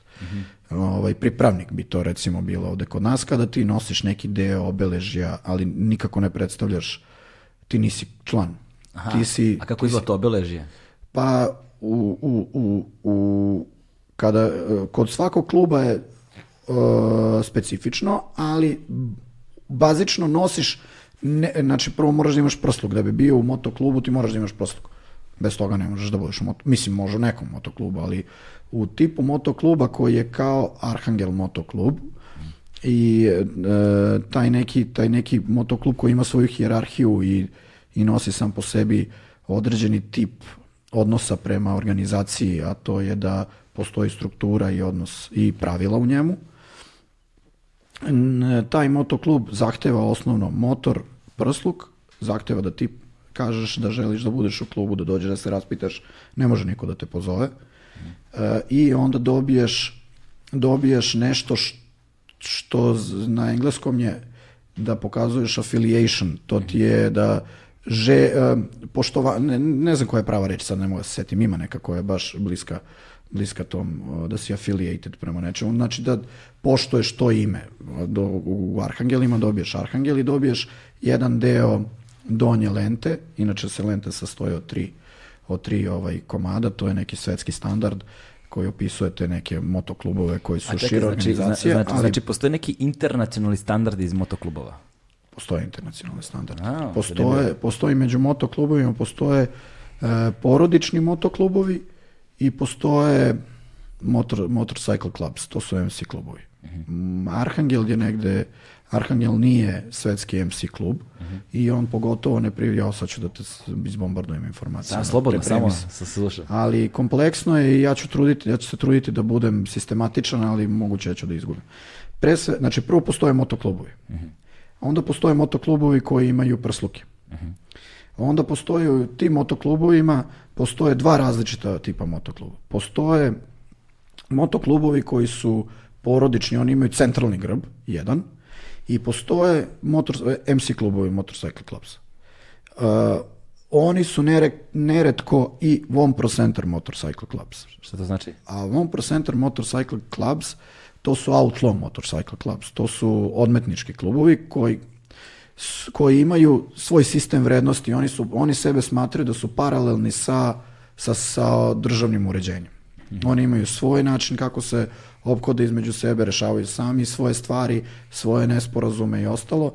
I oni su, nji- The One Pro Center Motorcycle Club je, iz, je, je, e, je oznaka iz jednog perioda kada su u Americi intenzivirali motorcycle klubovi, to je to motorcycle clubs, kada su počeli da prave probleme. I onda je, i onda je, pošto se širila moto zajednica, jer je u Americi nakon drugog svjetskog rata e, prvo im je ekonomski bilo dosta dobro i onda su ekspanzija se desila i oko mot- motocikala. E, U klubove su se učlanjivali ne, nemalo e, ratni veterani i ovaj to je poprimilo u, jedno, u nekoliko momenata onako dosta anarh, ana, an, anarhistički p- p- pristup zabavama i ostalo, gde su gde su braneći moto populaciju koje, a šira zapravo javnost je počela da ih napada kao da su e, kao da gube kao da država ne može da se izbori, znači dotle je došlo da država ne može da se izbori sa, sa određenim, e, određenim individuama koji su organizovane u neke motoklubove. Izašao je neki zvaničnik e, i rekao je da e, ovaj, ova populacija koja pravi probleme je samo jedan procenat populacije motorista. I tu je nastala istorija gde su određeni klubovi počeli da se smatraju za taj jedan procenat uh, um, outlaw, outlaw ekipe koja kaže mi ni postoji, sad i u okviru motorista postoji 99% normalnih, šta god da je to, i postoji jedan procenat nekih nas njih koji, koji se smatraju. Ja moram da kažem da Arhangel ne spada u- One Pro Center Motorcycle Clubs. Mi nismo, da, taj klub, znači naš klub je nacionalni, da bi bio, da bi, da bi imao neke karakteristike tog, sve moraš da budeš internacionalni klub uglavnom. Mislim, ne moraš, nego karakteristika internacionalnih klubova. Ne mogu da nigde ih spominjem, zato što bi se to kod nas smatralo nije, nije zahvalno da, da spominješ druge klubove uopšte i da pričaš o njima, jel? pričamo o principima. Ovaj, I ti klubovi koji spadaju u Srpsku, onda svaka zemlja ima svoje specifičnosti. Kod nas, znači oni klubovi koji su imali prsluke, pa onda i postoje centralni tip porodični i u okviru, onda postoje drugi zapravo, koji imaju trodelne boje. Sve to odlažem da ti kažem, ali trodelne boje su da imaš centralni grb, gornji grb, to je gornju lentu i donju lentu. E, to je već u našem motosvetu nešto što je, što je, što ima neku, neki drug, neku, neku drugu težinu. Trodelni klubovi su e, klubovi koji su, mi ih smatramo na neki način drugačije organizovane od, od sve, svega ovog ostalog pre toga. Um, oni su rigidniji sa strukturom, rigidniji sa obavezama, uh, više se, intenzivniji su sa viđanjima, nije lako ćemo, nego debelo si, desi šta radiš, šta ima, javi se, javi se gde ideš, brinu svi, gde ti je žena, da li je u redu, da li ti treba pomoć, mnogo intenzivnije i to, je, to postaje već kao neka, prvo je brotherhood, znači prvo to je sve um, ono uh, između ortaka, E, kod nas u tim klubovima nema žena, znači to u tim klubovima sa trodalnim bojama, bar ne znam da postoje, ali mislim da generalno žene nisu članovi, one su one su sa, sa, sa članovima, znači žena može da vozi motor, ali nikad ne može da bude član tog našeg nekog kluba, to, to jest u kome sam ja bio član. I ovaj, oni u okviru sebe imaju, bar na našim prostorima, to je sve stvari proces usklađivanja, ali kod nas i trodelni klubovi nisu, nisu oni koji jesu, ne mora da znači da su on pro centar. Ovaj, e, pogotovo ne Arhangeli za koje mogu sa sigurnošću da kažem da je to jedan porodičan klub ovaj, gde, se, gde se ceni drugarstvo, oni su svi burazeri, to su moji dobri drugovi, uvek su bili tu, ja, znači nisam imao nikakve nikad, nikada probleme, manje više, muškarci smo, nekad se sporečkaju ljudi, ali generalno je jako dobra atmosfera, tu smo jedni za druge bili no matter what, čak i dan danas, ja ne mogu da nosim nikada više, ja kad sam rekao jednom ja više ne mogu da ispunjavam, ima svoje, ima svoje posledice to što ja više nisam, na primjer, sad sam ostao na neki način, ako smo mi svi drugari, ja više nisam u organizaciji, sada ne pričam šta bi bilo kada bi nešto bilo, ali u principu ja više nisam član te organizacije, ali ja, meni, meni je dopušteno da nosim dukserice i tako neke stvari, što znači da sam ja njihov drugar i da ja poštujem to ime i taj klub i tu organizaciju, ali ovaj, e, nisam, više, nisam više član toga i to odlazi na neku svoju stranu i e, reći ću samo da su to da, da, da su divna vremena ovaj u mojim sećanjima vezana za klub to je to je jako je lepo iskusiti taj neki taj neki brotherhood ovaj koji koji nosi sa sobom ljubav prema motorima i želja za pripadnost nekoj organizaciji poput ne. poput MK kluba. A znači znači znači populacija koja se bavi motorima zna zašto sam rekao MK, zašto nekad koristim MC ima debele razlike između nas i međusobno se svi poštujemo i i ovaj, smo se poštovali, ja više nisam u klubu, ali više za, za trenutak mi padne kao da pričam ja. da sam i dalje, ali međusobno poštovanje i uvažavanje vrlo bitan element mm. klubskih odnosa. Među klubovima recimo nije uljudno, to je kao među u, u firmama. Predsednik priča s predsednikom. I kada treba nešto da se razgovara, uglavnom niko neće da priča o svom klubu između klubova. Znači, klubovi rešavaju svoje stvari. Vrlo je nezgodno da pričaš o svom klubu sa nekim, čak koliko god dobar ortak da ti bio ili nekog drugog kluba, ste odrasli zajedno. Ovaj, I e, u nivoima, recimo, postoje predsednik, to je ovo nije tajna što ću pričam. Obično postoji predsednik, potpredsednik, postoje neko ko je savjetnik ili, ili neku drugu formu ima tu sa strane, neko ko je, smatramo ga za nekoga ko je staloženi mudri da rešava neke stvari ili da se konsultuje za, za nešto i onda postoje razne još neke, recimo postoji za obezbeđenje e, glavni, e, neko ko se rizničar, to je na, na engleskom je to nešto, treasury, tako nešto ima, ali kod nas bi bio neko ko vodi financije i tako, znači bukvalno postoji struja, onda postoje obični članovi, postoje prospekti.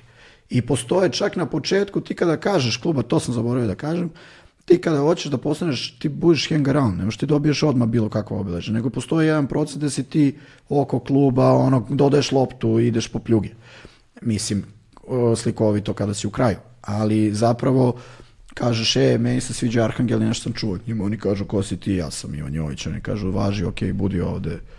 Kao u. Da, da, da. Budi ovde, neko će ti, ne, ne, ajde, će s nama da se provozaš, da vidimo kako voziš motor, ajde, ili pali, ili daj telefon, pa sutra, ili ne odmah telefon, ili brate, tu smo ovde sutra, svrati pa nas nađi. Da. I ima sve, malo je onako, bukvalno kao u filmovima. Da, bukvalno kao u filmovima. A čekaj, ovaj, ali moraš da posjedeš neki određeni e, nivo veštine vožnje motora ili kao... Pa ne smeš da ne znaš da voziš. Odmah te zavale da si, da, mislim, možeš da nisi najiskusniji i da imaš želju. I oproste ti ako nisi neki najbolji vozač na svetu. Ne ali ne smeš da ne znaš, zato što ugrožavaš grupu generalno. Čisto ja sam dosta pričao o ovome everyday, kao kakva je to organizacija i to. Na kraju je to ipak motoklub, tu se ipak vozi. Da. Sad shodno nekim možda ekonomskim okolnostima ili covidu ili ne znam sad nekim širim tim kontekstu, širem kontekstu, možda se manje voze ili ne. Ali ovaj, u principu motoklub treba da stremi tome da što više provodi vreme oko motora i na putu, da. a ne mlateći praznu slamu. Da. Što ume da se dogodi u, u, u nekim organizacijama. Znaš, da se smetne sa recimo onoga zbog čega ste se okupili, a u ovom slučaju je to motor. Da. I ako ti, gledaj, tu se vozi oštro, tu se vozi po nekim, pro, mi uvek se dogovori prosečna brzina, naš nema tu neke, nekog, ne, ne, ne, nečega da se nešto radi ono van, ne, mimo zakona. Mislim, motor sam po sebi kao i svaki drugo prezno sredstvo neka te dovede u neku nezgodnu poziciju da nešto uradiš, mislim. Ali postoje standardi po kojima se vozi, vozi se, ume da se vozi muški brzo, uh -huh. uh, ume da je prosečna brzina 100, 120, uh, 80, 100, negde na nekim magistralnim putevima i da se to ne skida. Znači da se to vozi, brate. Ti ako ne znaš da voziš, brate, prvo će te čekaju, drugo možeš da se nešto, možda ugroziš grupu, razvlačiš ekipu, znaš, i ne možeš ti da dođeš da potpuno ne znaš. Da. Brate, idi vežbaj pa se javi. Ali ovaj, da li žele uvek da prošire svoje članstvo čak i sa ljudima koji imaju želju? Da.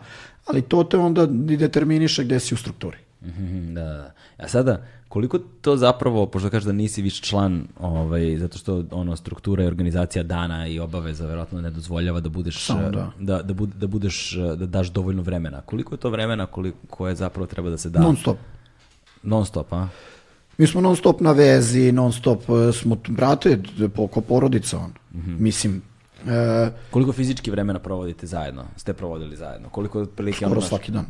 Da. Pogotovo još ako ima neki clubhouse, čemu sremi svaki motoklub, to znači da imaš mesto okupljanja, gde onda organizuješ sebi kao neki men's cave, da imaš, e, imamo, recimo svaki klub stremi da ima prostor, da ima ovakav sto za sastanke, da ima neki bilijar, neku, igra, ne, neku igračku tu da se igra i da je to zapravo hanging out Da. moment i, i prostor. I onda samim tim intenzi, e, tehnologije su ti donele intenzivnu komunikaciju, što znači da smo stalno jedni drugima na, na, na, na vezi i non stop se nešto priča, dogovara, osmišljava i to i ti si praktično u tome e, dosta, dosta, dosta, dosta. Ali možda pričaš eh, o inicijaciji u kontekstu kao u kom trenutku postaješ član, kako ti to saopšte i to sve. Pa to je fora, je, znaš, e, e, obično se gleda, da, mogu da pričam o tome i to je vrlo interesantno i to je onako jedan lep događaj koji ti nekako kruniše neku želju, sad stvarno oprezno od svemu tome pričam, treba si specifičan da želiš, neko ti kaže, neko će, često su mi ljudi govorili šta će ti to. Da. Ne mogu ja tebi da opišem šta će mi to.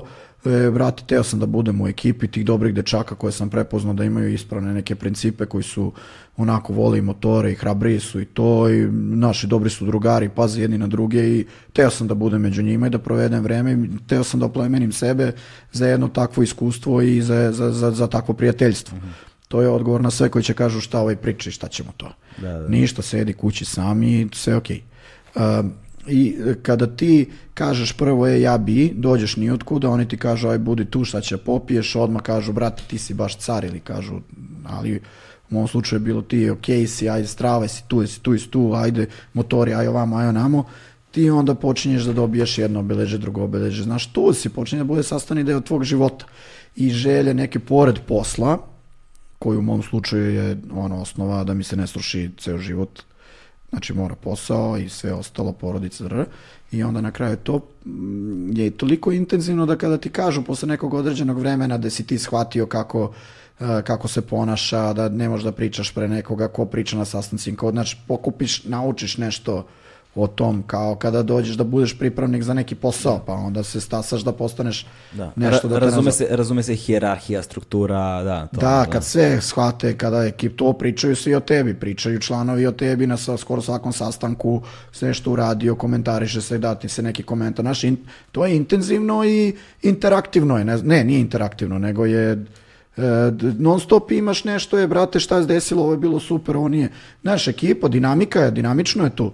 I onda u jednom momentu, brate, se desi, to se... e, E, na nekoliko, u nekoliko, znači mi imamo tri, to jest imali smo tri tačke u kojima u, u jednoj godini postoji mogućnost da se dese neke promene u strukturi, to jest da se menja članstvo ili bilo šta da se desi. I ovaj, obično ti pojma nemaš, da će to da se desi ili se nadaš ili nisi siguran, niko ti to ni ne govori i onda svaki put kada je to isto kao u filmovima, naprave, gledaju da naprave neku zvrčku, a, ili, ali dešavalo se i da kada ono nekoga ispoštuju, ali vole da naprave neku zvrčku i to je onako dobra fora i onda ti nešto tu daju, iznenade te i ovaj, to bude onako tebi značajno da te svi odvale po leđima, pošto te izlupaju odmah ruku, kao svaka čast dobio si boje, pa te izodvaljaju. Znači, svako gleda te udari što može jače po, po kičmi. I ti ne možeš da se buniš, Da. ono izbijaju ti vazduh i to i to sad ovako zvuči kao, ali to je, kod nas je to baš dobra fora bila i ovaj, meni je to nešto, ja sam se okretao namerno i govorio samo udri, brate, sad je već gotovo. Da, da. koji, koji mačo svet, Mm. brate, znaš, ono, slušam, razumeš i ono, kapiram da, da ono, kao celokupan tvoj život znaš, ono, ako, ako poznajem ortake koje bih ono definisao kao alfe, brate, razumeš u životu, ono, ti definitivno spadaš u tu kategoriju, znaš. Nisam totalno taj, da, da. ali, ali d, d, imam neke elemente. Da. da. Moglo bi se reći. znaš, ali to je upravo ono, eh, zbog čega i u tvojoj muzici je meni šta je meni uvek bilo blisko i, i, i šta me uvek fasciniralo, znaš, uh, to, to, to me sam pričao baš i sa Edom Majkom i to, o tome razgovaram često kad god imam, kad god, kad god sam u društvu nekakvih repera, razumeš. Ovaj, jed, ili kad razgovaram sa ljudima koje zanima nešto što mi možda nije jasno do kraja, koji ne dolazi iz te subkulture, znaš, koja je sada mainstream kultura u velikoj meri. Uh -huh. uh, jeste da u hip-hopu je, brate, užasno važno da ti verujem. Znaš, to je ono, znači nije, znaš, da, nije važno sad, ok, da li imaš ovakav flow, da li imaš ovakav delivery, Znam okay, tačno znaš, da, da. to, ali, brate, znaš, nešto kažeš i ja ti, ili ti verujem, ili ti ne verujem. I all Jako je bitno za repere, da. Narodnjaci mogu da lažu, ali ko reper, repera gledaš ono i kao, je li to stvarno on? Da, da, da, je to stvarno on, da. Znači, to, da, i tu fora što kreiranje te nekakve ono, umetničke persone i ovoga i onoga i znaš kao odvajanja autora od umetničkog dela u mnogim umetnostima funkcioniše. Prosto može i ne mora. Ove, ali u hip-hopu na neki način je ono, toliko je važno da se ti taj lik i da tebi zapravo može se veruje kad izgovaraš mm. te stvari. I tu da to budeš ti. Da to budeš ti. I tu leži opasnost svih ovih koji bi da budu nešto što nisu, a vrlo često je to u tom nekom smeru, ono, znaš, ajde nazovimo ga ono, mračnije malo. Da. Ovaj, I ne podležu dobro ili, tim testovima. Ili vidi šta imam. Da, da, ili vidiš šta, mislim, to mi je tek ono.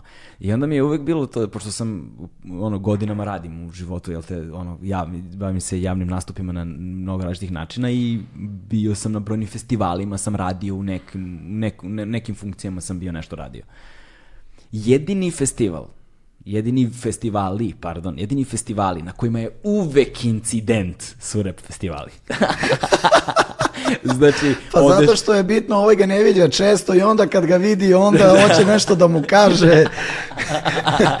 znači, na elektronskoj muzici, na indie ne, rock, na punku, na hardkoru, ne. na ne znam, or, ovome, onome, na... No, nema čekaj, ničeg, brate, uvek, stani, ta, sad sam te našao, da, dođi da razgovaram. Da. ali na rap yes. festivalima redki su, ali kad se dese, uvek je neki problem. A ja moram ti kažem jednu stvar, ja pored toga što je to istina, što ću ti ka, što, što, što se slažem s tom, ne. je, već sam govorio to u nekim, nekim ovaj, e, emisijama. Brate, s druge strane, reperi su jedini burazeri kad se vide, kad god su zajedno. Znači, da. možeš nikada da ne upoznaš nekoga. Da, da. I brate, kad ga, kad ga vidiš, ti se njemu uredno javljaš, čao, gde si, brate moj, šta radiš, kako si.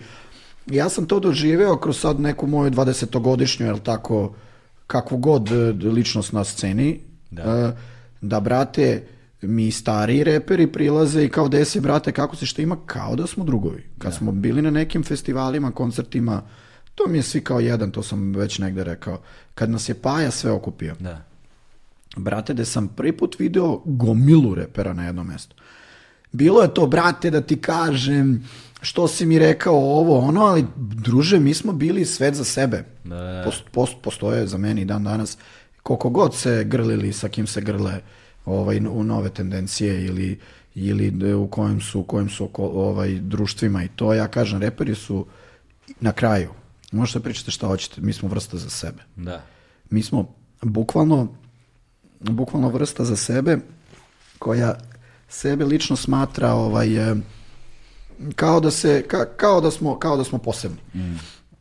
I to je, ali jeste incidentno je i, i, i, i zato što se tu dosta krije, znaš šta, reperi su još specifični, ne, ne, ne, neretko dolaze sa velikom željom iz, iz raznih nekih okruženja, želje za uspehom, želje za dokazivanjem. Da. I u svemu, i u mladim godinama, čovek ume da, po, da posustane pred nekim važnijim stvarima koje su ipak dobri harmonični odnosa, nešto da ja što mogu da pričam sa 40 godina, što nekom mladom izvođaču uopšte neće biti uh, sad trenutno bitno. Meni je bitno sa 40, mm. ali njemu je bitno, bitnije da bude najbolji, da bude uspešan, da bude dobar i možda mu nekada na putu stoje kolege, da. koje mu inače nisu na putu, nego mu sve svojim uspehom pomažu da i on mm. se više afirmiše i tada.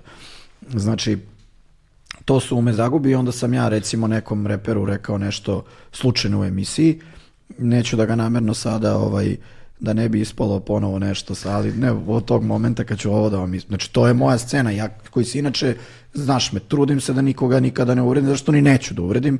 Treba paziti šta pričaš, zato što nas e, e, rep, re- rep ekipa će poslušati šta sam ja pričao sada. Da.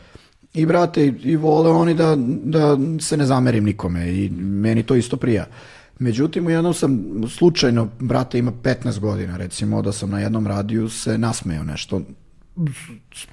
Ono, nijotkuda sam se nasmejao nečemu, gde je vrlo jasno bilo spomenuto ime neko. A ja sam to zapamtio da mi nije bilo pametno da sam uradio i da može neko da mi zameri, zato što opet ja na to pazim Da, da.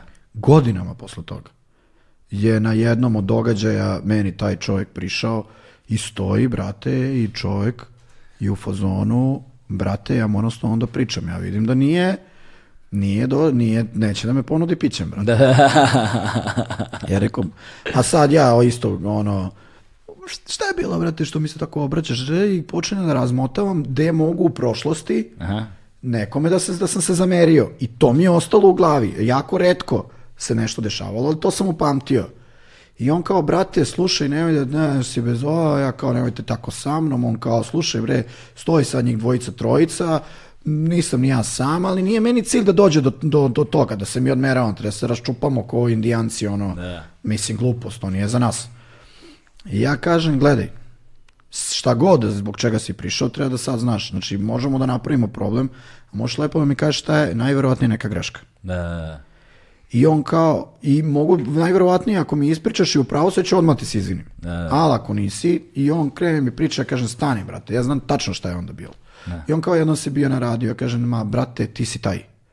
I on kaže, jesam, ja rekao, ovo te uredio. On kaže, ja rekao, veo, zapamtio sam šta je to. Da, da. Izvini sada i on kao, dobro, izvini ti, vidiš ti koliko je to njemu bilo bitno I verujem da bi i meni isto bilo bitno. Ja bi došao, brate, neko mi rekao što se mi isprozivao. Zato što se mi smatramo da smo negde Zajednica. negde zajednica, razumeš, koliko god se u nekom momentu trudio da budeš e, bolji, da, da mi smo negde za, i zameramo jedan drugom, ko što zamer, i na neki način, ajde, dozvolit ću sebi, ma, možda će neko kaže, aj ne, šta priča, baš me briga za nekoga, ali kao, neka, kao neki burazeri, razumeš, koji, koji ne očekuju da jedan za drugog pričaju loše i onaj koji popusti i krene da priča je po meni izgubio igru i, i svakome ko, ko skoro se bilo dešavalo neka prozivka da me na kraju taj neko ko je prozivao pitao brate šta misliš o tome ja mislim da sam pogrešio ja sam mu rekao brate jednostavno moraš da naučiš mi se međusobno ne prozivamo No. to ti je najveća greška. Da misliš da si ga sada nešto, a za deset godina ćete sesti zajedno na ručku i bit će ti bez veze, brate. Što si to uradio čoveku koji sad ti je delovalo da je bitno. Nije bitno, brate. Da. Bitno je da radiš, da stvaraš. Šta sad, ko je bolje, brate? Šta te briga, brate? Mislim, ko i, o, i, i pogrešno se nešto protumačilo, da te ne davim sad dalje, ali u principu vrlo nezgodna ekipa reperi. Ali tu, ume da bude nezgodno. Ali tu je upravo lepota to, te, te raznovrsnosti e, koji, koji, koji, koja, koja mi nikad nije jasno zašto se urušava na, na, u nekim pojedinim trenucima, zato što i mainstream, i underground, i ovakvi i onakvi, to sve zapravo treba da ono koegzistira, da postoji zajedno. Znaš, da to, to je nekakav ekosistem u kojem jedni bez drugih ne bi postojali. Znaš, mainstream ne bi postojao bez ljudi koji su bili ono prvoborci.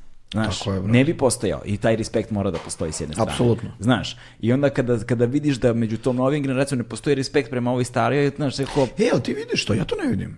pa Možda bude ja s vremena na vreme, bude s vremena na vreme. Jel znaš, tako? Ma, bude s vremena na vreme, da, znaš, zato što, zato, što, zato, zato što je onda, zato što postoji onda taj, to nerazumevanje starije generacije prema novijoj generaciji E, za, to, za e, to je već nešto drugo, onda te ja nisam dobro razumio. Da, daš, to ne sme da se dešava i ja, slušaj mi sad, apelujem. ne, znaš, i onda, i onda ovi, no, ono- ovi počnu pričaju o nekom pravom repu, Ma ga razumeš, ovi pravi drugi, red? Druže bre, uzmi radi, evo ti napravi nešto i nemoj da, mislim, neko ne, je ne jebi- padajte, ne, e, moja poruka drugarima i svakome generalno, ne padaj u, u, u, za- u zavidi čoveku, to je jedan moj drugar bajker, stariji Toma, je, ja sam pomislio na to i nikada nisam nikome rekao ovo, a on je bio u fazonu kad mi je nešto, kad, kad se divio nečemu mom, rekao je, brate, zavidim ti, ali pozitivno. To znači da, brate, krivo mi je što nisam ja. ali mi nije, neću da ti ne, ne uradiš to i da to nisi ti. Nego samo hoću i ja i zavidim ti na tome što si uspeo i mene na neki način motiviše da ja, sad jebi ga, ovo je malo, Da. Mi- se za psovku. Opustio sam se malo. Opa, Da. Ovde može se psuje. Dobro, ovo scrambluj to, ili šta se već. nemoj da se jebavaš sa mnom. Nemoj da zajebavaš. ovaj, I e, te, možda malo da učinite sebi i svoj, svojoj okolini tom kolegi, brate, da mu zavidite na način da želite da i vi postignete nešto, a ne e, prošlo je vreme, kako oni to sad rade, ja opusti to, opusti ovo. Brate, uzmi i radi. Sav odgovor na, na to što, što izaziva ta, i kako se ispoljava ta energija koja nemilo, ne- ne- neminovno izađe u, u komentarima i znači nešto se troši razmišljanje na to i zašto, zašto bi je ti ako ikako moguće koristio na, na, na, na, na ogovaranje, na zavist negativnu, što ne uzmeš nešto, uradiš i brate pošalješ na svoj način tu neku novu poruku i usmeriš tu energiju na nešto konstruktivno, kreativno i uzmeš i napraviš nešto što ti misliš da je dobro, što parira tome što želiš u nekoj priči da, da osudiš, da umanjiš njegovu vrednost ili da ga ismevaš ili bilo šta uradiš, svu tu energiju, Da. Da. svaku reč usmeri da nešto napraviš i onda će to da bude strava. Pa da, u suštini, znaš, to si, u- to si apsolutno u pravu i ovaj, nešto što sam ja vremenom u životu shvatio je da ukoliko imam problem sa nekim ili nečim, jer posebno ukoliko je nešto bez veze stilski ovako ili onako, to uglavnom oslikava problem koji imam ono sa samim sobom. Razumeš, znaš, to je ko što, ko, ko, što, ko što ja kažem, ja bih ga, znaš, da su mi ovi šminkeri na Vespama, razumeš, ovako ili onako. Ko zna, brate, možda zapravo ja želim da imam Vespu, a nisam je nikad imao. razumeš, Moram da ti brate? kažem jednu stvar, mnogo je lepo da nekada si na Vespi sređen i da ideš na neki sastanak. A da, brate. Gde, gde je... Ma ne, sigurno. Mislim, pazi, znaš tako šta, je, da nećeš da ideš među arhangele tako, Da. Sad stvarno, ali na neki sastanak ne mogu da, odem i na svom motoru od ne znam koliko kubika koji bum, bum, bum, bum, bum. Da, da, da. nego brate mnogo bi ako že- želim na dva točka da se sredim da stavim šalić i da odem da predstavljam tu neku ideju ili svoj posao ili plan Da. na, u, tako kako tre- ne možeš da dođeš u motorci A vidiš, ja sam licemeran serem, kao smetaju mi ovi, a super su mi, brate, ono, bili modsi svoje vremeno i ono, kako se zovu ovi, Madnessi, jebi ga, i to, ono, Porpa i Heca, Delca, vidiš, Vespice. Tako je, tako je. Znaš, bravo, taj- bravo, evo, dobro si primetio. Znači, Znaš. negde ipak možeš da pročačkaš u sebi, da si negde uživo u svemu tome. E sad možda samo ta neka tvoja, ne tvoja, nego čovekova, Da. da ne bude sad tvoja lično, nego em, ne, ne, u- em, da nisi, nisi se jednostavno pozabavio time Pa i da. možda zavidiš i možda bi trebalo, a možda ne bi trebalo što mu zavidiš. Izvinja- Možda je on stvarno, možda stvarno čovjek zgodan i ti žene lepe i stvarno ne treba ništa I da sad budemo got- i neki truba cool, prema da. njima, znaš, ko što ja nekada hoću da nosim pocepane farmerke i budem cufa kada negde dođem, tako su i oni na svoj I način. neki cool i gotivni ljudi i izvinjavam se bilo kome ako sam ih uvredio, što sam bio površen i glup, oprostite mi na tome. Pa, de, tre, ali dobro, ti si mudar čovek koji kada naiđe na negativno, na negativni osjećaj, vidim da ga debelo preispituješ. Da, da, da. I da ga analiziraš i da tražiš razlog zato što si negde, sad pretpostavljam, a ne verujem da sam daleko od, od, za- od, od ispravnog mišljenja, e, gledaš, e, gledaš e, uzroke i pokušavaš i, gleda, i znaš da negde negativno nije nešto što je možda savršena opcija.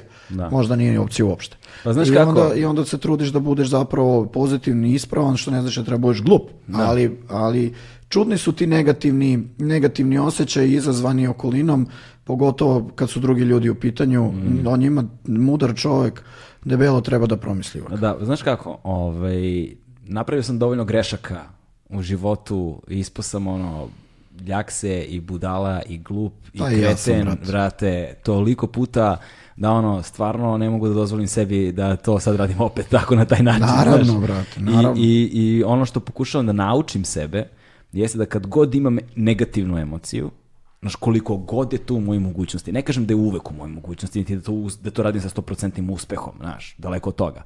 Ali kad god uh, prepoznam nekakvu emoti- ne- negativnu emociju, pokušavam da ono povučem ručnu, da se zustavim i da kažem, aha, kao, šta je ovo? Šta se ovo dešava? Šta E, se ovo ja dešava? sam malo pre baš rekao, preispituješ sebe. Tako je, da. Preispituješ sebe i uzroke toga. Mm. I obično kad ako malo otvorenije čovjek o tome porazmisli, pronađe ti si malo pre rekao, brate, negde izgleda, ja to nisam ostvario kod sebe. Da, da, da. Jer da te ne zanima, ne bi ti ni izazvalo ništa. Ne, ne bih ni primećivao. Da, nego je čovjek tako nekako, ja vidi ga kol- koliko ovo ima, daj možda bih i ja i onda uđe u to, to Mm. ti na neki način i vera malo uči da se, da se pogotovo naša ono, Da. e bre, lagano bre, nemoj si zavidan, to je jedan od grehova, jel? Da. I e, kaže bre, polako bre čoveče bre, mislim, malo se stabilizuj i, i kreni da radiš. To je, a, ako, ako, ako to voliš i ako, kao što sam malo pre ovaj, rekao, ako želiš to i voliš, pro, vidi da li to voliš i onda kreni time se baviš.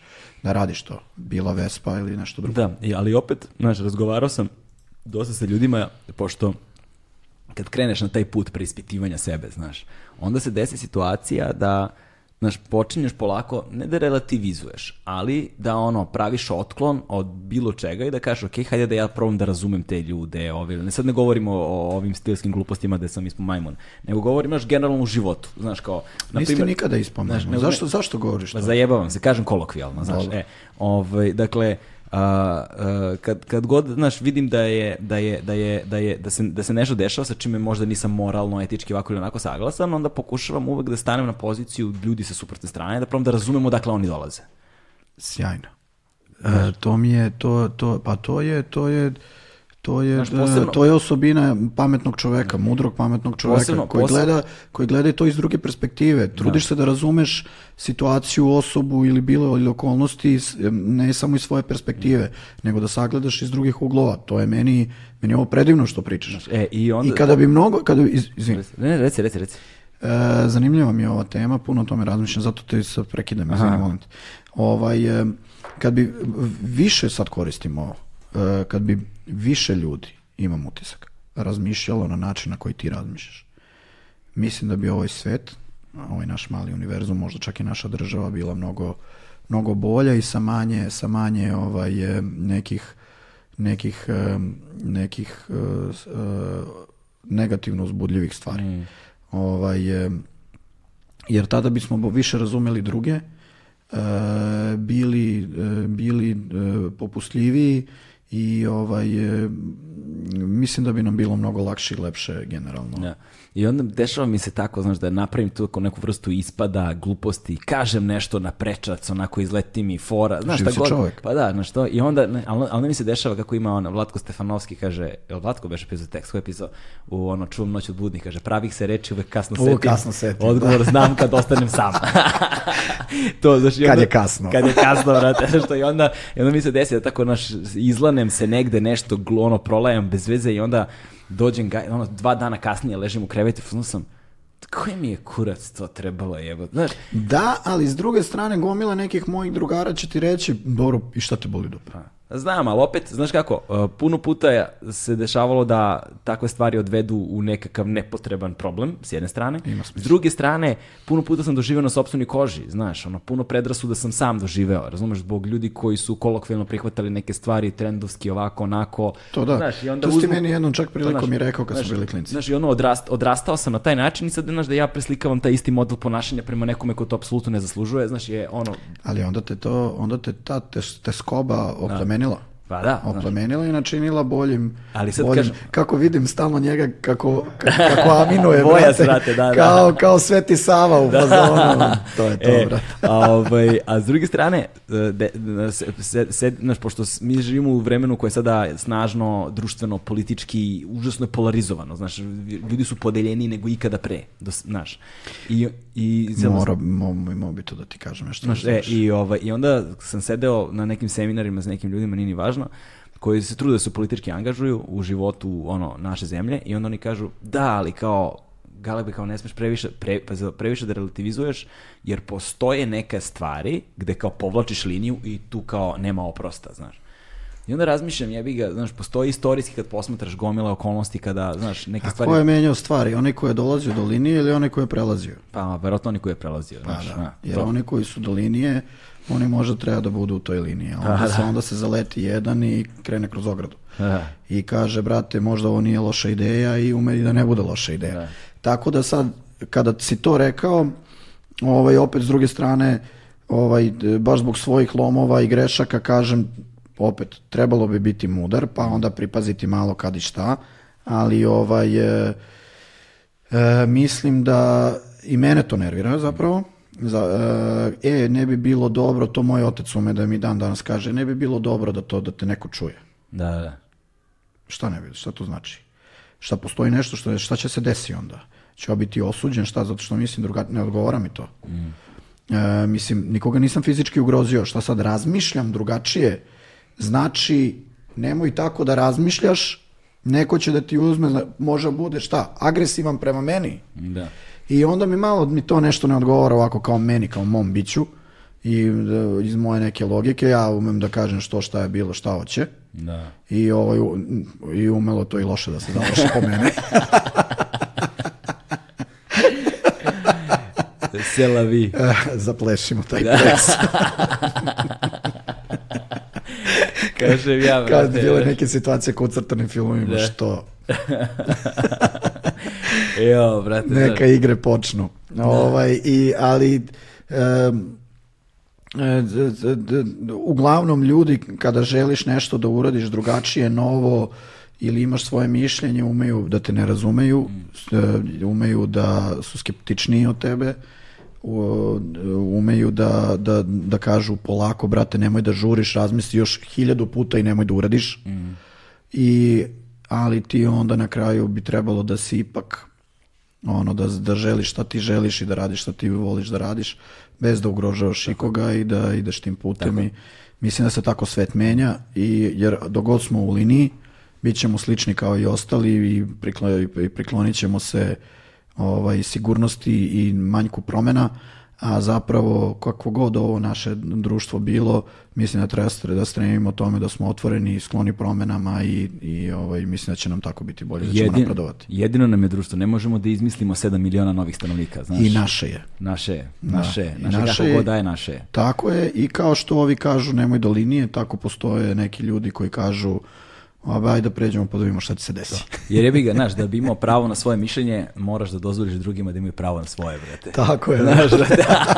A imaš prava da. i da se ne slažeš i da ih ne slušaš. Tako je, brate, sve može. Ali ne smeš da ih ugrožavaš. Apsolutno nikada nikoga ne treba u- ugrožavati i to je ono gde mislim da treba se povuče ta linija koja se ne prelazi. Da, Znaš. da, e, da, da, da. da.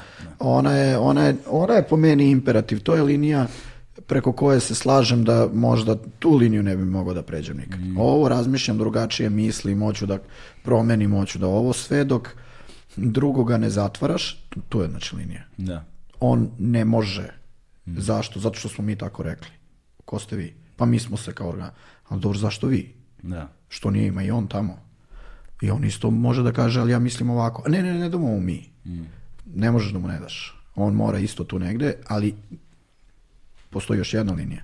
Niti on sme tebe da fizički ugrožava, preti, ne dozvoljava ti da se fizički bilo šta i da te pot, ono, znaš već sam šta to implicira. I ni ti njega, ni on tebe. Da. I mora da postoji, i morate se slušati i da vežbate živce. I onda ćete se negde na kraju možda čak i podružiti i razumeti. Tako je. Brate, stigli smo do kraja. Tako? stigli smo do kraja. Jel to kaže tehnika? Pa neka, ne kaže tehnika, nego, ne, ne- nego smo, nego smo Jest. mislim, stigli do jednog logičnog ono, završetka i mislim da smo napravili jednu lepu okruglu celinu. Ovaj, hvala ti puno, brate, na vremenu, a, strpljenju, poverenju ovaj, i dobrom društvu i dobrim razgovorima. Sa tobom je uvek zadovoljstvo, brate moj. Redko se viđamo, tako da nam je ovo baš jedna izuzetna prilika. Da, jeste, jeste. Izuzetna prilika. Sve hoću da ti bacim kosku, da te zagralim, ali sto, šerifom stoje. To ćemo- to ćemo. Nešto što nas ipak ovom prilikom... Tako je, to ćemo posle. To E, ćemo, mogu to ćemo samo da ti na, na sekund odgovorim. Velika je privilegija sedeti i razgovarati sa divnim ljudima poput tebe i ovo nije sada, ja stvarno to hoću da kažem, zato što mislim da si redak čovjek i da je, vre, da je vredno u životu imati takvog drugara, prijatelja, pogotovo koji misli ovakve lepe stvari o tebi kao što ti misliš o meni. E, emisija ti je dobra, uvijek su ti kvalitetni sagovornici i samim gledajući ko je sve bio, nadam se da sam uspeo da, da zadovoljim ovaj standarde tvoje emisije i standarde tvog, tvog e, tvo, ljudi koji te, koji te prate da sam ti bar malo oplemenio ovaj, celu tvoju ne priču. Brini, ne brini, vrate, uvek si bio na visini zadatka. Ljubi, vrat, hvala, hvala vam puno svima koji ste bili ovaj, sa nama. A, došli smo do kraja šedne jedne epizode. Ne znam šta da kažem pametno, to je to. Kraj. Vidimo se. Ćao. Ćao, čao.